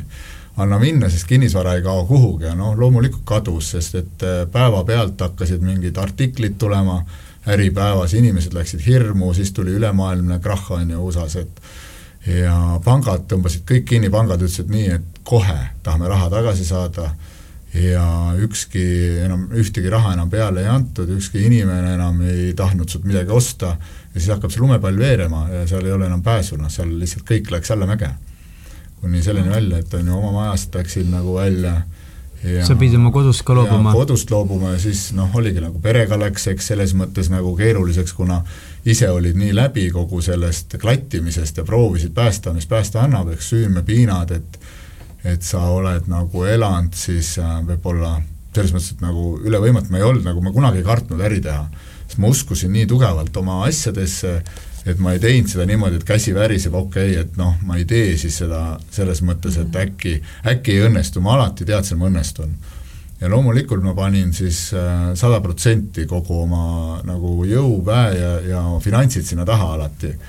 aga no vot, läks teistpidi, on ju, ja siis millised süümepiinad tekivad, milline depressioon sulle peale tuleb ja see oligi minu, ütleme, üks elu suuremaid depressioone, mis mul peale seda peale tuli, sest noh, ega sellises apaatses olekus, niisuguses tundes, mis sul siis peale tuleb, et praktiliselt äh, sa, see tunne on noh, ma ei tea, kes vähegi on depressiooni läbi elanud, niisugust läbipõlemist, sa tunned, et sa ei saa mitte millegagi elus hakkama, sa nagu täpselt niisugune tunne, nagu oleks esimesse klassi tagasi jõudnud, et ühtegi teadmist ei ole enam, ühtegi äh, oskust ei ole enam ja põhimõtteliselt noh, isegi võin ausalt tunnistada, isegi see hetk olid niisugused mõtted, ma ei tahagi enam tegelikult väga elada, sest ma tunnen, et ma olen ja. nagu tühja nagu teinud nagu kõike, mis ma olen teinud. sest enne seda mul oli veel nagu kindel eesmärk, et ma teen veel kaks aastat ja ma saan niisugusele tasandile ennast, et ma saan asjad rendile anda ja siis hakkan rahulikumalt võtma, on ju, asju nagu, et pigem nagu hästi mõnusalt tegema asju, et mitte nii, et kahe telefoniga praktiliselt juhtinud kõiki asju ja noh, ikkagi uneaegad olid ikka minimaalsed. kui palju sa päevas töötasid? no ma arvan, et ikka neliteist tundi oli niisugune, niisugune circa tööaeg, et noh. tööd sa ei kartnud? Tööd ei kartnud, ega ma ei teagi, kas see tarkus on, see ei ole pigem, täna ma ütlen, et see ei ole üldse tarkus, noh mm pigem oli ahnus, noh, võin ära öelda. see pigem oli selline ahnus, et sa olid nagu olemas ja just, tahtsid ära kasutada vaata just, kõike, mis oli jah. see oli pigem niisugune nooruse entusiasm ja kõik see sees, et sa nägid, et noh, mulle meeldis luua. et aga tõesti mõnus, aga tegelikult noh, kui ma nüüd täna seda olukorda hingan, et eks ta tihti oli ka see, et töö tegemine on samamoodi põgenemine enda, iseenda eest hästi tugev põgenemine iseenda eest mm. samamoodi nagu võid sukelduda joogamaailma, mõned hakkavad hästi palju joogat, nii kui tajuvad, et see jooga justkui hakkab neid avama, et see enesetunne paremaks läheb, siis nad arvavad, et et noh, kui ma nüüd teen topelt, mis tegelikult normaalne oleks, et siis ma saan nagu kiiremini next levelile, aga ei saa. et pigem keegi ei arvesta sellega, et, et kui sa avad, hakkad avama oma keha ja kui sa hakkad vaatama enda sisse, siis sa pead olema valmis ka väga ebameeldivatele asjadele otsa vaatama, mis su seest hakkavad liikuma ja välja tulema. kuidas sina hakkasid ähm, et kui siis tuli see suur depressioon peale, sa proovisid veel päästa, mis päästa annab, aga lõpuks läks kõik perse, et ähm, kuida-, mida sa hakkasid, sa olid selles depressioonis, mida sa siis hakkasid tegema, et nagu uuesti leida see elu mõte ülesse mm.? see tunne oli täpselt niisugune, et äh, Nii. kui ma olin harjunud nagu selle hetkeni ma, mul oli kogu aeg alati olnud nagu ikkagi niisugune tunne kindlustunne taskus, et mul on sularaha ja mul on äh, mul on nagu turvatunne ikkagi mingisugune alati olemas, ükskõik, aga sellel hetkel nagu olid kõik kraanid kinni. nagu nii kinni, et äh, sul ei tulnud nagu pangast kuskilt, sul ei tulnud nagu ühestki ärist enam ühtegi, ainult mis olid, olid kulud, pigem läks välja isegi ja seal isegi neid arveid ei olnud maksta, on ju. ja siis oligi noh, kui sa nagu perele noh, ütlesid ka, et nüüd on niisugune olukord, on, nägi, et ka, et, et ma olin ikka täitsa nagu siruli, on ju. siis muidugi, et äh, tekkis nagu noh, sellel hetkel äh, naisele ka nagu hirm, et mis nüüd edasi saab.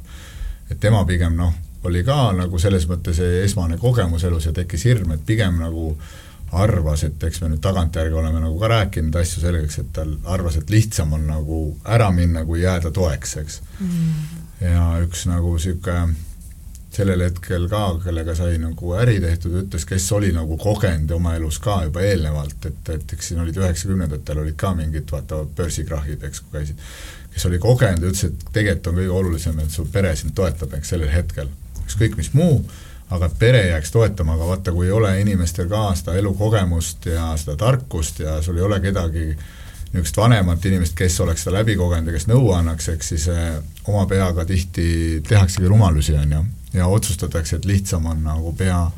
võib-olla liiva alla peita või siis äh, põgeneda, kuid probleemiga tegeleda, eks see muster ju tegelikult kordub praegu tänapäeva elus igast elusituatsioonis samamoodi, kui on peretüli mingi pereprobleem või on sõprade vahel probleem või on tööprobleem, ega siis selgeks ei räägita ja ei julgeta ju välja öelda oma tegelikku tunnet, mis sul taga on.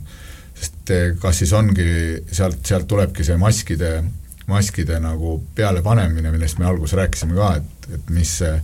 kus siis see nagu niisugune inimese areng pihta hakkab ja inimese endasse vaatama, kui sa hakkad maske maha laskma enda eest, eks, et oma näo eest, et, et sa ei proovi naeratada sellel hetkel, kui sa tegelikult tunned, et sul on täiesti sitt olla ja sul on nagu, et sa tunned, et sinust sind on nagu emotsionaalselt täis oksendatud või et sind on nagu kuidagi riivatud oma ütlemiste ja mis muude asjadega, et sa julged seda oma tunnet, mitte et sa ei pea võitlusesse minema, vaid sa tood justkui oma tunde välja enda seest, et sa julged seda väljendada, et kuule, praegu, et praegu on see, see koht, kus ma tunnen niimoodi, et äh, isegi kui see on hästi ebamugav, isegi kui see võib kaasneda sul see mingisugune töökoha kaotus või laialiminek, aga sa vähemalt ei suru endas alla, vaid sa oled sina ise ja sa oled julged olla sina ise, et see on nagu kõige suurem oskus siin elus. et, et see ongi see, mis tekitab inimestes tegelikult lõputu vabaduse tunde lõpuks, et et sa oled igas hetkes sina ise, et olenemata raskusest, olenemata situatsioonist ja et sa ei suru midagi oma kehasse alla. Et see ongi see koht, millega ma ise ka täna hästi palju tegelen, et ma annan niisuguseid, niisugust jogatundi nagu Kundalini tantra jooga, mis ongi nagu mõeldud sellele, et, et sa õpiks oma keha kuulama, et sa õpiks nagu oma keha märkama ja nägema. niisuguses mõnusas flow's jogatund, kus sa siis nagu Äh, vaatledki kogu aeg iseennast ja samamoodi on need Osho meditatsioonid, mida ma siis nagu edasi annan, et ma olen ise ülitänulik, et ma kunagi sain seda kogema, sest ma hakkasin neid kogema nagu tantratundides, et, et noh, praktiliselt mind nagu tiriski võib-olla välja sellisest äh, depressioonist, et üks asi on muidugi see, et ega ega see aeg kestis, ütleme, ma võin öelda, noh, pool aastat oli ikka täis kass peal kogu aeg, noh. et ja ma isegi tagasi vaadates ma ei mäleta ka väga seda aega, sest ma tundsin, et mul on nagu, ma hakkasin suitsetama. Ma mõtlesin, et suits nagu aitab ja mingil hetkel tunduski see viis minutit, kaua kui sa kimasid seda suitsu, siis tundus, et jube hästi on kõik, aga siis läks pool tundi läks mööda ja siis sa tundsid, kurat, tahaks jälle seda suitsu teha nagu ja siis oligi, siis see hetk oli see see oli see suits nagu niisugune nagu mingisugune leevendus mulle, aga ma tundsin, et vaata, see oli see jälle see, et mingi tegevus leida, et mitte ja. nagu lasta endal seda valu välja ja mis, mis ma selles hetkel nagu õppisin või mis on üldse meeste jaoks kõige raskem nagu tunne, on see, et kui sul on nagu perekond, eks, ja sa oled kellegagi koos, siis on mehe jaoks nagu õpetatud kogu aeg, et mees on nagu niisugune siis perekonna tala, on ju. et kui sa nagu mehena siis äh, tajud, et sa oled nagu perekonna justkui mingil määral siis reetnud, see süütunne, mis sul ikka sisse tekib, et sinu pärast on nüüd see pere laiali läinud ja sinu pärast on see, et sa oled sitta äri teinud ja sa ei ole osanud oma pere hoida ja sa ei ole nagu piisavalt hea olnud oma töös ja noh, kõik see, mis hakkab ketrama peas, see tekitab niisuguse nagu depressiooni, et siis see hetk pean tunnistama, et ega mul oli ainuke valik minna perearsti juurde, et kuule, kirjuta mulle nagu depressiooni, depressiooniravimid välja, et siis ma tunnen, et see on nagu nii võimas, mis peale, et, et tavaliselt vaata inimesed sellistel hetkedel teevadki lollusid iseendaga. et arvavadki, et see on maailma lõpp ja, ja, ja see on seisund lihtsalt. Su seisund on niisugune, et sa teedki lollusi. ja, ja väga paljud tihti sellel hetkel murduvad ja õnneks mina nagu ei murdunud ja läksin läbi ja kuigi ma ütlen, et see tunne oli vahest väga selline, et ei jaksa enam nagu. ja, ja, ja võtsin õnneks kolm kuud ja ma tundsin, et, et võtsid puhkust? Ei no mis puhkus see oligi Või... nagu sellel hetkel oli üldse tiksusidki kuidagi, vaatasid natukene, käisid nagu pigem tegemas kuskil mingeid otsasid, et üldse mingit sularaha tekiks ja mm. et saaks nagu toeks olla nagu oma perele ja ja oligi noh, vist perele ütlesin, et näed, et siin on nagu väike nagu mingisugune summa, mis mul veel seal hetkel käes oli, ütlesin, et võtke ja proovige nagu see hetk nii palju kui saate, sest mina pean kõigepealt ennast korda saama, on ju. et ma toetan nii palju, kui mul hetkel võimalik ja proovige nagu vastu pidada see aeg, et kui ma saan jälle tu-, noh, tugev hakkama hakata, on ju. no vot, ja siis, siis ma tundsin kolme kuu pärast nii, et ma tunnen, et ma olen nüüd jälle nagu jalad alla saanud, et ma saan midagi tegema hakata ja siis ma ka siis läksin appi ja hakkasin nagu niisugusest äh, abivormis äh, pakkuma nagu teenust, niisugust ehitus- ja kujundusteenust ühele nagu firmale, kes siis just ehitas mingit ööklubi või asju ja, ja sain nagu sealt nagu ennast jooksma, tegin, tegin siis temaga niisuguse pooleaastase projekti ära, aga siis ma tundsin, et kuradi, ma raske on teha nagu inimestega koostööd, kelle, kes on täiesti teisel nagu tasandil iseendaga, et kes ei austa nagu oma töölisid, kes ei austa nagu inimesi, on ju, kes ainult nõuavad ja, ja siis ma tundsin, et aa, et, et, et see ei ole üldse mina ja mul on nii raske. Ja siis ma hakkasin jälle ise mingeid asju susserdama, hakkasin mööblit renoveerima, mitte renoveerima, vaid siis ostsin nagu antiikmööbli kokku ja tegin nad viis, tegin nad niisugusesse moodsasse vormi siis, et panin nad nagu, värvisin üle ja nikerdusi külge ja siis hakkasin neid müüma, no siis mõnda aega tiksusin sellise asjaga. ja siis vaikselt tuli igasuguseid asju hakkas jälle tulema. vaata, kui sa saad selle enesekindluse tagasi lased energia jälle vabaks, siis hakkab tulema sul neid äh, hakkab tulema neid asju nagu juurde, et millega tegeleda ja siis ma hakkasin tantraga nagu, sukeldusin tantramaailma ja hakkasin kogema, kuna mul sellel hetkel üks tüdruksõber nagu, kellega ma suhtlesin oli just ka ise sellesse nagu maailma sukeldunud ja, ja siis oli hästi moodne nagu aeg, siis tekkis see aeg, kus Eestis hakati nagu enesearengu kursuseid hästi jõudsalt tegema ja siis hakkas see nagu toitma ja siis ma nagu tegelesin mingi aega sellega siis on ju, et nagu ka olin abiks ja ja, ja nagu tundub nagu hunt kriimsil, on ju, kogu aeg vahetuvad mm -hmm. asjad, on ju. aga eks see ongi see, see võib-olla, mis selle vaata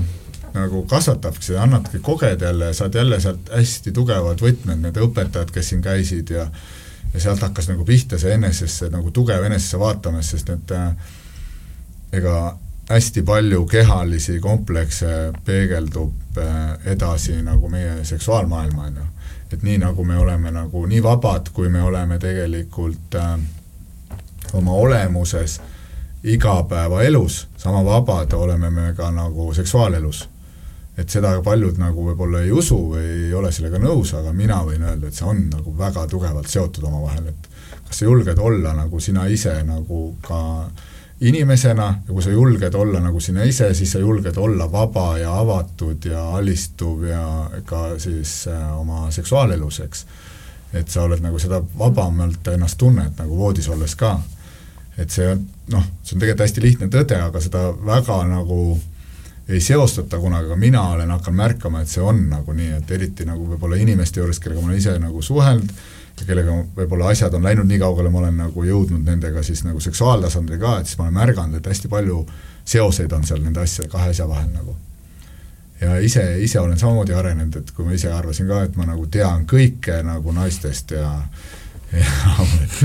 ja sõber Tarmo Urb ütles just nagu siin oma vennaga oli neil ju-, vennal oli juubelikontsert ja siis oli nagu, ütles välja, et noh, vend on nüüd minust noorem, et vend on jõudnud nagu veerandi peale, et naistest aru saada, on ju, et saab nagu siis äh, veerand naistest aru, siis tema on nagu vennast varem, tema on jõudnud poole peale, saab poolest nagu aru, mis naised tegelikult tahavad või kuidas neist üldse aru saada aga ta ei tea kedagi, kes üle poole oleks jõudnud. Ja, ja nii, ja nii ongi, aga siis tihti ongi vaja aru saada, kindlasti on, et ega mõistma hakkasin kindlasti üldse iseenda keha paremini tunnetama, sain aru üldse, mis tähendab energeetika nagu kehas, et mis asi on energia üldse, eks, et kuidas sa tajud energiat ja kuidas üldse julgeda iseendaga aus olla oma kehaga, kuidas julgeda ennast väljendada seksuaalselt. ma tahaks kogu aeg küsida praegu vahele, sa just ütlesite väga huvitavalt, et näiteks kui ma tahaksin õppida olla rohkem aus iseendaga, ma tahaksin tegeleda nende maskidega, mis mul on ja ja olla oma emotsionaalse ja niisuguse sisemise poolega rohkem aus, kust ma alustama pean? no eks neid eh, meetodeid on erinevaid, no minu jaoks oli jällegi nagu niisugune nagu tantristlik nagu lähenemine, sest et äh, seksuaalne vabadus toob sinu noh, need on, vaata kunagi ei ole nii, et üks ühtepidi asjad, et tihti on ka teistpidi, et noh, mina isegi ütlen, kui sa oled seksuaalselt vaba, siis sa julged ka igapäevaselt vaba olla ja julge, on ju. sest tegelikult kõige suurem hirm inimestel, mis on, on ju tegelikult äh, pidada lugu enda kehast ja, ja austada enda kehast ja julgeda näidata oma keha et sest enamus ju teevad pimedas ja teki all kõike, eks, et, et sa ei julge nagu, nagu päisipäeval, kuule, et oi, et hakkame vaatlema, on ju oma partneriga, et vaatleme üksteist ja ja tunnetame, mis me kehas tunneme, et ja ütle, mis on nagu siis sinu jaoks okei okay,, mis ei ole, et üks nagu võib-olla niisugused all, alg niisuguseid huvitavamaid ja basic ja samas nagu ülitõhus äh, ristik harjutus on see, et kui sa oma paarilisega lähed siis nagu voodisse ja ütled, ai, et teeme nüüd niimoodi, et pool tundi näitad sina mulle nagu minu keha peal, minu keha peal näitad mm -hmm. sina, mis sulle meeldib, et ma tajuks, mis sulle nagu meeldib. ja mina teen siis, peegeldan sulle läbi selle, mis sa mulle näitad täna, kuidas sa mind katsud, kuidas sa mind puudutad, on ju, kuidas sa nagu mind nagu siis, ma ei tea, mis iganes suudled, et näita, mis sulle meeldib. ja mina pean siis selle sulle peegeldama tagasi seda sinu, sinu, et, et sina tajuks, et kas ma siis nagu said õigesti sain aru. õigesti aru, on ju, mõistaksin sind. ja samas näitan nagu mina sulle nagu, et noh, et seda on ju vaata Jan Uuspõld Ürgmehes ka hästi palju nagu seal näidendis välja toonud, et see, kuidas naised ja. tahavad, eks, kuidas neid puudutada, kuidas mehed tahavad, see on nagu öö ja päev, eks, et nagu et see ei ole iseenesestmõistetav ja tihti noh, ja see ongi kõige müstilisem, et tihti inimesed elavad nagu aastakümneid koos ei räägi asjadest, vaid võtavad nagu ei no ju siis nii on, noh. et mis siis, et mulle ei meeldi, aga no ju siis nii on, ju siis ta ei oska või ei taha või aga mees ei teagi, et sulle näiteks meeldiks ja naine ei tea, et noh, Jan ütles ka, et lõpuks kuule, et see, et naist teile meeldib sedasi, on ju, meie mehed tahame hoopis sedasi, noh. ja võtke seda nagu siis nagu nii, et ja see ongi tore, kui inimesed räägivad omavahel ja mõni, mõne jaoks on nagu see ütleme, et see orgasmi punkt kuskil üldse sellises kohas, kus teisel on, teisel ei või, ei olegi noh. Et see on nii erinev, inimesed on erinevad, inimeste nagu tunnetus, tajumine ja kogemine, kõik on nii erinevad, nii et see ongi nii. Ja iga naine on ka veel omakorda nii erinev, et see ei ole nii, et üks-ühele, et oi, näed, talle meeldis, siis järelikult sulle peab ka meeldima. Kuna minu eelmisele Kölverile nii meeldis, siis sa pead sina, suure tõenäosusega on sulle ka kõik samamoodi, ei ole nii noh ei ava seda lukuauku küll sama võtmega, jah. võtmed on erinevad. väga erinevad. kuidas see sinu elule kõige rohkem mõju avaldanud on? ma olen tegelikult hästi tänulik, et see on kõik juhtunud minuga, et ma arvan, et ma olen seda välja ka öelnud, et vaata sellises äh, mugavustsoonis ma ei oleks mitte kunagi läinud sellisesse arengusse ja, ja sellisesse endasse vaatamisse. Ja tänu sellele on mul kõik suhted ka paranenud, on mul nagu lastega hästi head ja lähedased suhted paranenud, oma nagu laste emaga on suhted paranenud ja kõikide niisuguste võib-olla tead, inimestega, kellega sa oled nagu võib-olla mingist eluetapist on jäänud mingisugused okkad sisse või on nagu ikka pettumused ja siis ma olen nagu võtnud, et kuule, et noh, lahendame ära, läheme edasi ja räägime välja ja sa julged rääkida, minna, saada kokku, rääkida, rääkida selgeks. kuigi tihti on ka see, et ega, ega ei julgeta, isegi need inimesed tihti ütlesid, et ei, et noh, on nagu, ei mul ei ole midagi, noh, et mul ei ole okast ja, aga sa näed, et seal on emotsioon taga, on ju. Ta lihtsalt, tal on nii ebamugav otse rääkida lahti, see ebamugavustunne on nii nagu ebameeldiv ta jaoks, et ta ei tahagi rääkida lahti eh, asjadest, sest noh, võib-olla tema tunneb endiselt ikkagi, et, et noh, minu poolt on näiteks see tulnud see võib-olla see kõik see trauma talle, aga selle asemel, korra oota, stopp, aga vaatame siis, räägime ja vaatame, kas on ikka niimoodi, et võib-olla see ikka päris nii ei ole, et proovi, proovi proovi märgata ka seda teist poolt, eks, et noh, aga selle noh, on ka niisuguseid inimesi, kellega ei saa lahendada ära ja ja on, nii on, noh mis teha, siis tuleb talle aega anda ja võib-olla ja siis ega kannatusi ju lõpuks me loome iseendale, et kõik see viha, mis me sees hoiame, kõik see pettumus ja ja, ja siis kurjus ja mis me sees on, et need on tegelikult ja iseenda kannatused, seega sellega me kellegi teisele ei tee, ei tee tagasi, et ennast mm -hmm. üli, enda, enda kannatused ja keha hoiame kinni ja noh, see on nii. ja kui sa hakkad seda nagu noh, niisugune praktiseerima ja märkama, et okei okay,, isegi kui tihti sa emotsionaalses seisundis võib-olla kohe ei märka seda, et sa lähed nii sisse sinna ära ja tulistad oma asjad välja ja siis nagu võib-olla mingi hetk hiljem, kui sa nagu oled juba natuke teadlik, siis sa nagu hingad korra ja mõtled, oh vau, vau, mis nüüd juhtus just, on ju, et ja kui sul on see julgus eh, veel minna ja tegelikult võtta vastutus iseenda tunnete eest ja öelda, et kuule, sorry, tegelikult ma tundsin, et see tuli mul, see just praegu peegeldasid mulle mingit vanat situatsiooni, mis oli mulsse jätnud mingisuguse haava või jälje ja enamus nii ongi. ega põhiliselt hakkab ju pihta kõik äh, lapsepõlvest meil, meie nagu baas, traumade baas hakkab tekkima noh, ütleme circa oleneb, kui sul on nagu hoolivad, hoidvad, armastavad vanemad, siis sul nagu kuni kolmeaastane seda traumasid ei ole. aga või sellest hetkest, kui sa lähed lasteaeda, hakkavad esimesed nagu meie iseloomu kujundamised tulema, kus hakatakse meid suunama, et ei, et joonistad maja niimoodi, et, et maja näeb niisugune välja. sa teed täiesti valesti oma maja joonistust, laps paneb, inspireerib, näeb, tema näeb nagu täiesti on niisugune puhas hing, ta näeb nagu maja, et ei, maja on nagu voolujooneline, näeb nagu uss välja, on ju. või mis iganes, on ju. ei, ei, maja on ikkagi, katus on viilkatus mm -hmm. ja see, et sa teed täiesti valesti, on ju, lapsed, no okei okay,, ma teen siis nii, nagu õige on, on ju, ja juba ta panebki sealt, noh, see on kõige lihtsam näide. või siis keelud, et ei, et sa laulad liiga kõvasti või sa laulad valesti või su hääl ei ole õige või, või sa pead istuma kogu aeg sirgelt, ära nihele, ära vaata loodust väljas, nüüd sa tuled siia ja noh, saate aru küll, on ju. jaa, kuskil just oli äh, ähm, siis kui me vaat-, kuulasime ka mingeid äh, Sinsino mingeid materjali, siis keegi kuskil tõi välja näite, et, et laps a la oma esimese mingi viie-kuue aasta jooksul ah, kuuleb jah. sõna ei a la mingi viis tuhat korda ja kui samal ajal talle öeldakse jah, võib-olla mingi viissada korda, et noh, need numbrid, mis paneb mööda, aga jälle see, et. just, aga noh, vaata, mis võib olla kõige, kõige suurem trauma laste jaoks on pigem see, et äh, noh, vanemad on, on ju päev läbi töötanud, siis saavad õhtul seal selle ei öeldud lapse kätte, on ju, kellel on noh, a la siis vähemalt päeva jooksul sada ei-d öeldud, on ju laps on nagu depressioonis, ütleme, vingu täis, tuleb ja hakkab kätte saada, on ju, siis mis asja, nagu laps vingub, on ju. vingub ja mis siis vanemal on, vanemad on ka väsinud, panevad järgmised keelud, kuule lõpeta ära, et kui sa täna nagu vingumist praegu ei lõpeta, siis õhtul multikaid ei ole, on ju, ja siis seda või noh, mingi asi. aga mis siis lapsega juhtub, sealt tekivadki esimesed maskid. ta paneb selle esimese, selle oma paha tuju, mis tal on tekkinud tänu keeludele, kuna keelamistele, paneb juba sealt esimese nagu niisuguse maski ette, okei okay,, ma teen siis nii, et emal ja isal oleks hästi õhtul, et siis ma saan multikaid vaadata, on ju. ja mis siis juhtub diafragmaga, see diafragma on meil nagu põhikoht, on ju, kõhus, kus siis nagu e emotsioonid nagu esmase sellise vastuvõtu või nagu niisuguse allasurumise, kõik läheb kõhtu ju, on ju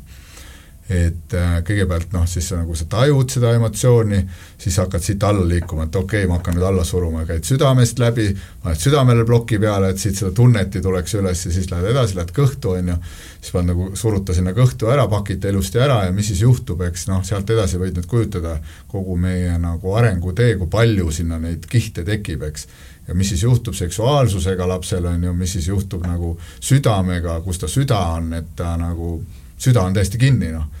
et sellepärast, et nii on parem elada, nii on lihtsam elada, siis on vähem keelde, kui mu süda kinni on.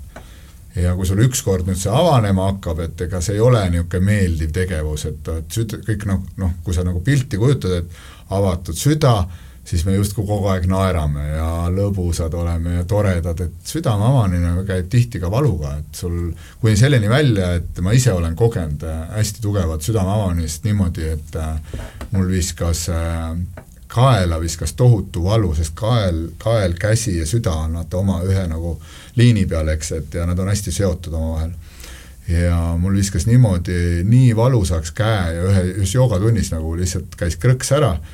noh, see käiski, et nüüd tagantjärgi ma sain aru, et sellel hetkel ma mõtlesin, ma tegin ise midagi valesti ja tegelikult oli see, et eh, midagi läks lahti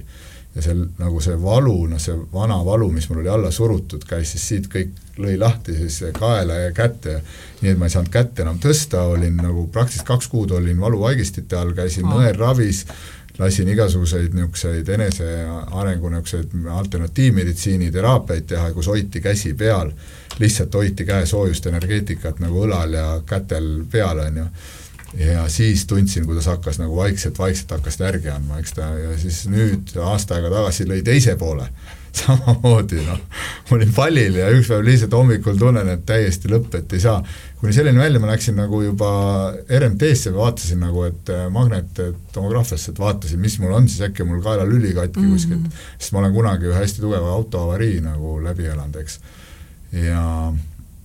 ja see võib ka olla see nagu ehmatusmoment, kui ma siis, sest ma see hetk käisin nagu ütleme, autoga ülepeakaela ja mul käis ikka nagu, elu käis silme eest läbi nagu, et kas ma nüüd jään elama või ei jää selles paus, on ju. ja see on ka üks asi ja ma tulin välja, kõik oli korras, me olime kolme sõbraga, tegime lihtsalt, pühkisime tolmu maha, läksime pidu edasi panema, on ju, noh, see oli täpselt see noorusajad, kus oli nagu kus nagu sõideti nii, et kuidas jumal juhatas, on ju, et ega siis nagu keegi ei mõelnud selle peale, et kas sa oled alkoholijoobes või ei ole, et sõidad ikka, noh.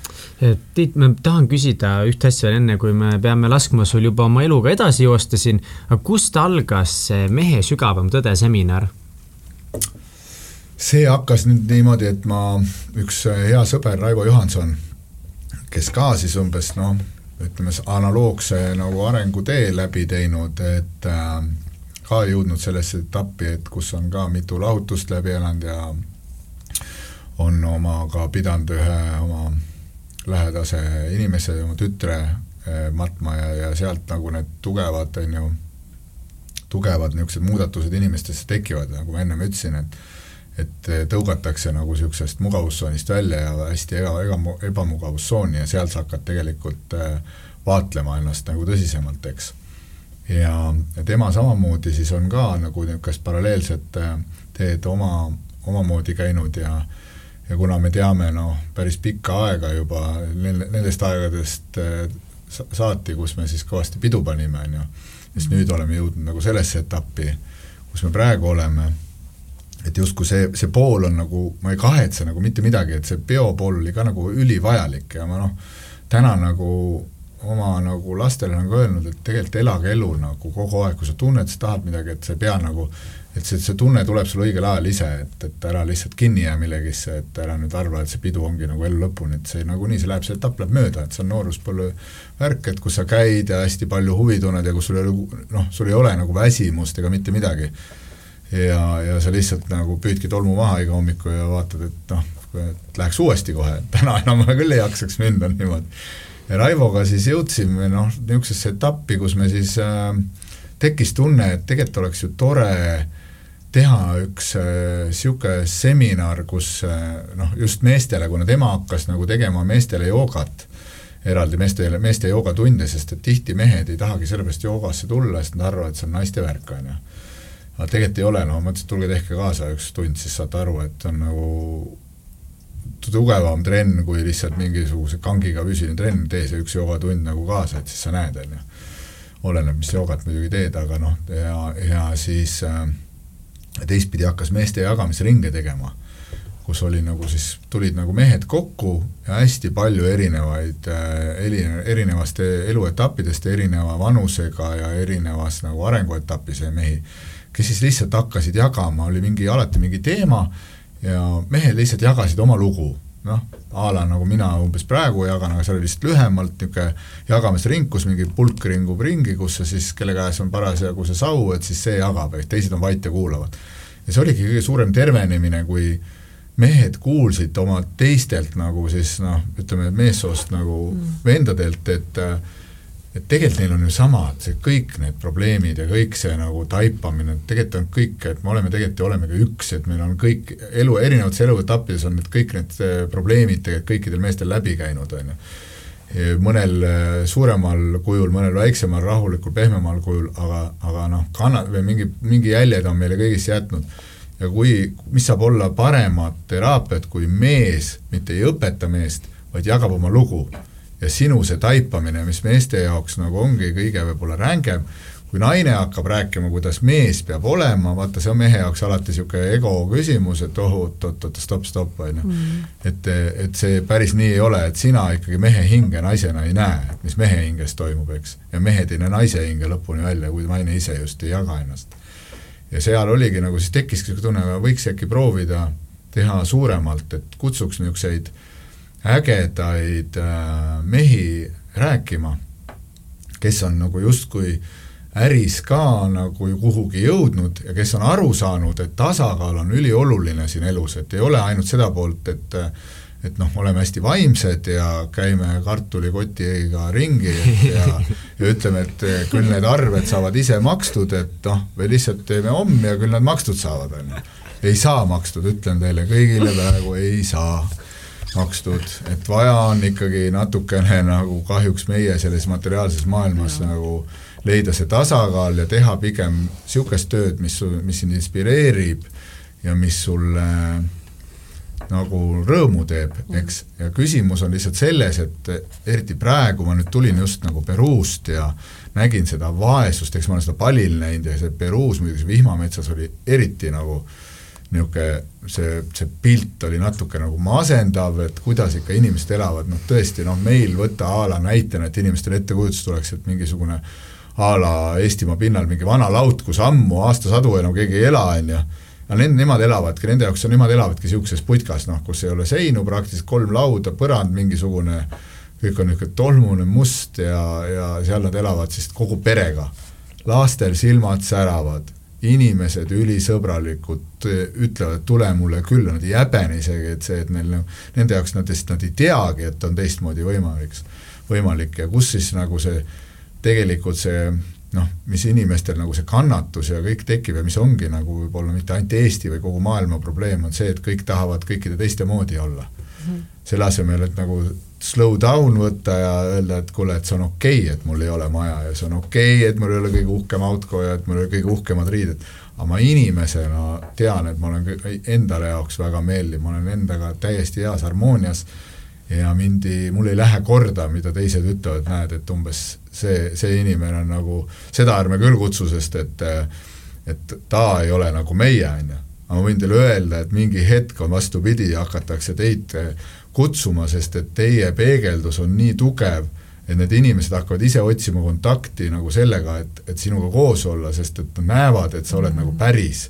see on midagi erilist. just Äh, Tiit, enne kui me nüüd lõpetame, siis meil on selline asi, mida me kõikidelt küsime alati lõpus, meil on kiire vooru, ei, mis, jälle ma ütlesin valesti, meil on välkküsimused. meil on viis välkküsimust sulle. väga hea. nii, esimene on. aga sa oled vastusteks valmis või? oh, ja et ma olen vastusteks valmis. kas sul on äh, olulisi rutiine või harjumusi, mida sa teed näiteks igapäevaselt või iganädalaselt? ma iga hommiku võimlen tund vähemalt ja käin külma duši all Äh, milles sa väga hea ei ole mm.? noh, võib-olla siis, kui nüüd humoorikalt vastata, siis ütleme, et ühe näpuga rinnahoidjate mahavõtmisel hea vastus väga hea vastus. mille üle sa oled kõige uhkem oma elus? noh, ma olen uhke iseenda üle kõigepealt aga teiseks ma olen uhke oma vanemate üle ja oma laste üle ja oma kõikide lähedaste üle, kes mu, mind ümbritsevad. mis on kõige pöörasem asi, mis sa elus teinud oled ja kas sa teeksid selle uuesti hmm. olen, millises, ma olen palju pööraseid asju teinud oled küll ei, mul on millegipärast tunne. sul on siuke. mul on tunne, et me kuulsime mingi viite protsenti su lugudest. jaa, see on kuulnud viite protsenti. pöörasem asi on võib-olla see, et ma olen kinosaalis seksinud filmi ajal või? siis, kui on veel saalis inimesi sest et wow. ma ei tea, mingil põhjusel ei tulnud mingil põhjusel ei tulnud inimesi kinno, ma ei tea, kas see oli nii igav film või, aga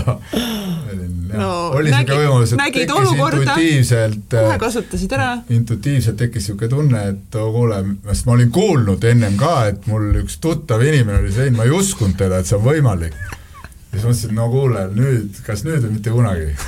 Nice! I love it. Skaalal ühest kümneni, kui imelik sa oled kumb, kumb pool see imeliku pool on? kümme. ei, sinu enda otsustada. kümme on see imelik super. Tiit, kuidas meie kuulajad sinu tegemistel saavad silma peal hoida? no ma olen äh, seotud hetkel nagu Tao keskusega, kus ma annan tunde, et ma annan siis iga teisipäev annan flying joogat, mis on siis rihmadega jooga, kus me siis oleme mingi aeg pealaspidi ja kus me saame läbi rihmade toetuse teha paremini joogapoose selgeks ja venitust paremini kätte. see on siis taokeskus.eu. vaadake kõik just. üle. ja teine on mermassaaž, siis on see niisugune nagu massaaž, millega ma inimesi siis aitan emotsionaalselt paremasse seisu saada, et sest sidekude on hästi tugevalt seotud inimese emotsionaalkehaga. ja keha on meie peegel hästi tugevalt ja omakorda hing peegeldab kehale, mida ta tunneb, nii et kui te saate aru, et teie keha on haige igal pool, siis teadke, et teie hing, hing seesammu karjub, et me elame kuidagi valet elu sellel hetkel. ma vaatan, sul on Instagram ka ma olen teinud, aga ah, ma pole sinna ühtegi pilti. ma ei ole jõudnud sinna ühtegi, ma tead. sul on seitsesada kaksteist follower'i ja sul on ühtegi pilti. jaa. oot-oot-oot, tehke järgi. no me oleme proovinud ja meil ei ole see välja tulnud veel. ei vot, vot see on see Instagrami teema on jälle teine teema, et noh ühtepidi see mind ja nagu häirib. Instagrami konverentsil veel kusjuures õppimas. ma käisin jaa, kuna ma Ruslan Goginit tunnen, kes seda korraldas, et äh, et siis ta lihtsalt kutsus, tule kuula, eks, et huvitav oli, aga teistpidi nagu ühtepidi tekkis nagu natuke kaastunne, et ega see Instagrami, ütleme, need kõik, kes need eh, Instagrammerid on, ega see nüüd kerge elu neil ei ole, et sa nagu elad nii väljapoole oma elu kogu aeg ja sa pead seda tegema, kui sa tahad edukas olla ja noh, eks ma tihti olen mõelnud ise ka, et ühtepidi oleks nagu, tahaks nagu kõigest sellest loobuda, sest ma olen näinud oma sõpru, kes on nüüd hästi vaimseks hakanud ja öelnud, et nagu ei no mis Facebook, et seda, see on saatanast, on ju. aga tegelikult siis, kui nad mingi aeg äh, on ilma, siis nad saavad aru, et aga kuidas sa siis inimesteni jõuad, eks, et mm -hmm et ei jõuagi kuidagi ja isegi midagi ei ole teha, täna ma näen, et kõik isegi väga tugevad õpetajad maailmas, et kõigil on mingisugune ikkagi koht, leht või, või Insta või mingi asi olemas, mis neid nagu näitab nende tegevusi yeah. ja sa saad selle kaudu ikkagi võib-olla ka, et noh, ma ei tea, enda energiat inimestele selles suhtes edasi anda, võib-olla positiivset peegeldust yeah. anda, et kuulge, et aga tehke ka siis, et tulge, et see, ma, ma saan öelda, et see asi mõjub, millega ma tegelen, on ju, ja siis noh, ütleme, et see mermassaaž aitab hästi palju inimesi, et on nagu side myofascial energetical release massaaž siis inglise keeles. et ja, ja kuna ma oma kehaga olen nii palju tööd teinud ja, ja ise käin ka seda massaaži pidevalt nagu saamas, siis ma tean, kui palju see aitab nagu inimesi saada jälle ennast balansi või harmooniasse või tasakaalu, vähemalt ta teeb seda, et ta nagu viib sind sellisesse seisundisse, et sa hakkad aru saama, et sa oled kohal sa oled nagu nii hetkes sellel hetkel, et sa saad aru, et aa, okei okay,, nüüd ma saan aru, kus ma vea olen teinud või kus ma endale liiga olen teinud iseendale või kus ma mõne lähedase inimesega olen vea teinud, see noh, viib hästi tugevasse rännakusse. nii et kõik eh, Facebookist otsige Tiit üles, sest Facebook otsige minu nimi üles, Tiit Trofimov ja ma kirjutan teile alati ja vastan, et, et nii et meie poolt ei, aga kakskümmend kaheksa on ka üks pidutiidur tulemas siin. ja, ja, kutsu, kutsu meie kuulajaid ka. et see on üks pidu, pidude sari, ekstaatiline tants, mida ma nüüd olen siis juba kaks aastat korraldanud. ja siis see on niisugune koht, Saue mõisas toimub, kakskümmend kaheksa detsember kell kaheksa hakkab ja Rain Tunger tuleb mängima, kes on, ma arvan, et Eesti üks äh, nagu armastatamaid äh, DJ-sid ja kes on ise hästi lahe inimene, inimesena ja hästi avatud südamega ja seda sarja ma siis olen äh, teinud sellepärast, et ma selle idee olen saanud tegelikult ise ka palilt, et kus nagu ekstaatiline tants põhimõtteliselt tundub, toimub iga nädal vähemalt Ubudis, kus mina põhiliselt peatun. ja, ja seal Ubudis siis nagu iga reede õhtu, iga pühapäeva hommik tuleb üks kolmsada inimest kokku ja uskuge või mitte, täiesti kainena hakkavad DJ muusikasaatel lihtsalt tantsima, panevad silmad kinni, elavad äh, läbi tantsu enda nagu emotsionaalkeha niimoodi välja või lihtsalt lubavad olla nagu väiksed lapsed iseendal, nii et ilma hinnanguteta, et keegi vaataks neid. ja teine vist asi siis, mida, mis ma võib-olla siin on hea jagada seda infot, et kes veel tahab tulla õppida, mida mina oma elus nagu õppinud olen, kuidas nagu saada paremini endaga harmooniasse mm, -hmm. siis on Pali väereis kaks tuhat üheksateist, tänaseks veel on, ütleme seal mingi viis kohta keegi tahab tulla, siis kak-, neliteist kuni kakskümmend kaheksa veebruar ja amazonas.ee kodulehelt reisibüroo Amazonas reisid, leiate ka seda infot, et siis ma seal nagu teen hästi palju meditatsioone inimestega, me elame niisuguses ägedas kohas, niisuguses džungli sees, kus on oma joogasaal ja käime ka hästi palju kogemas maailma tasemel joogaõpetajaid ja käime hästi palju nagu niisuguseid väekohti, käime surfamas, paneme pidu, sööme head toitu. see kõlab täiega. ja, ja just see ongi see koht, kus ma õpetan nagu tasakaalu, et mm. ei ole ainult see üks pool, et tegelikult on äge kõiki asju osata teha ja, ja kõiki toite on hea nautida ja mina ise ka ei ole sada protsenti taimetoitlane aga kindlasti ma jälgin seda, mida ma söön ja ma ei söö kräppi enam sisse, et, et kuigi ma vahest ikkagi juhtub seda vahepeal ikka juhtub, sest et vahest tuleb lihtsalt niisugune kräpiisu, et jälle aru saada sellest, et kui hea on puhas toit. absoluutselt, aga lõpetuseks, kuna on pühade aega jäi väheks, on ju. aega jääb alati meil Aega- väheks, kindlasti me Tiiduga kohtume järgmisel aastal, ma loodan uuesti Muidugi, ja vestleme, vestleme veel natuke teistel teemadel, aga lõpetuseks, kuna praegu on, on pühade aeg, Tiit, mida sa sooviksid inimestele just nagu selleks perioodiks?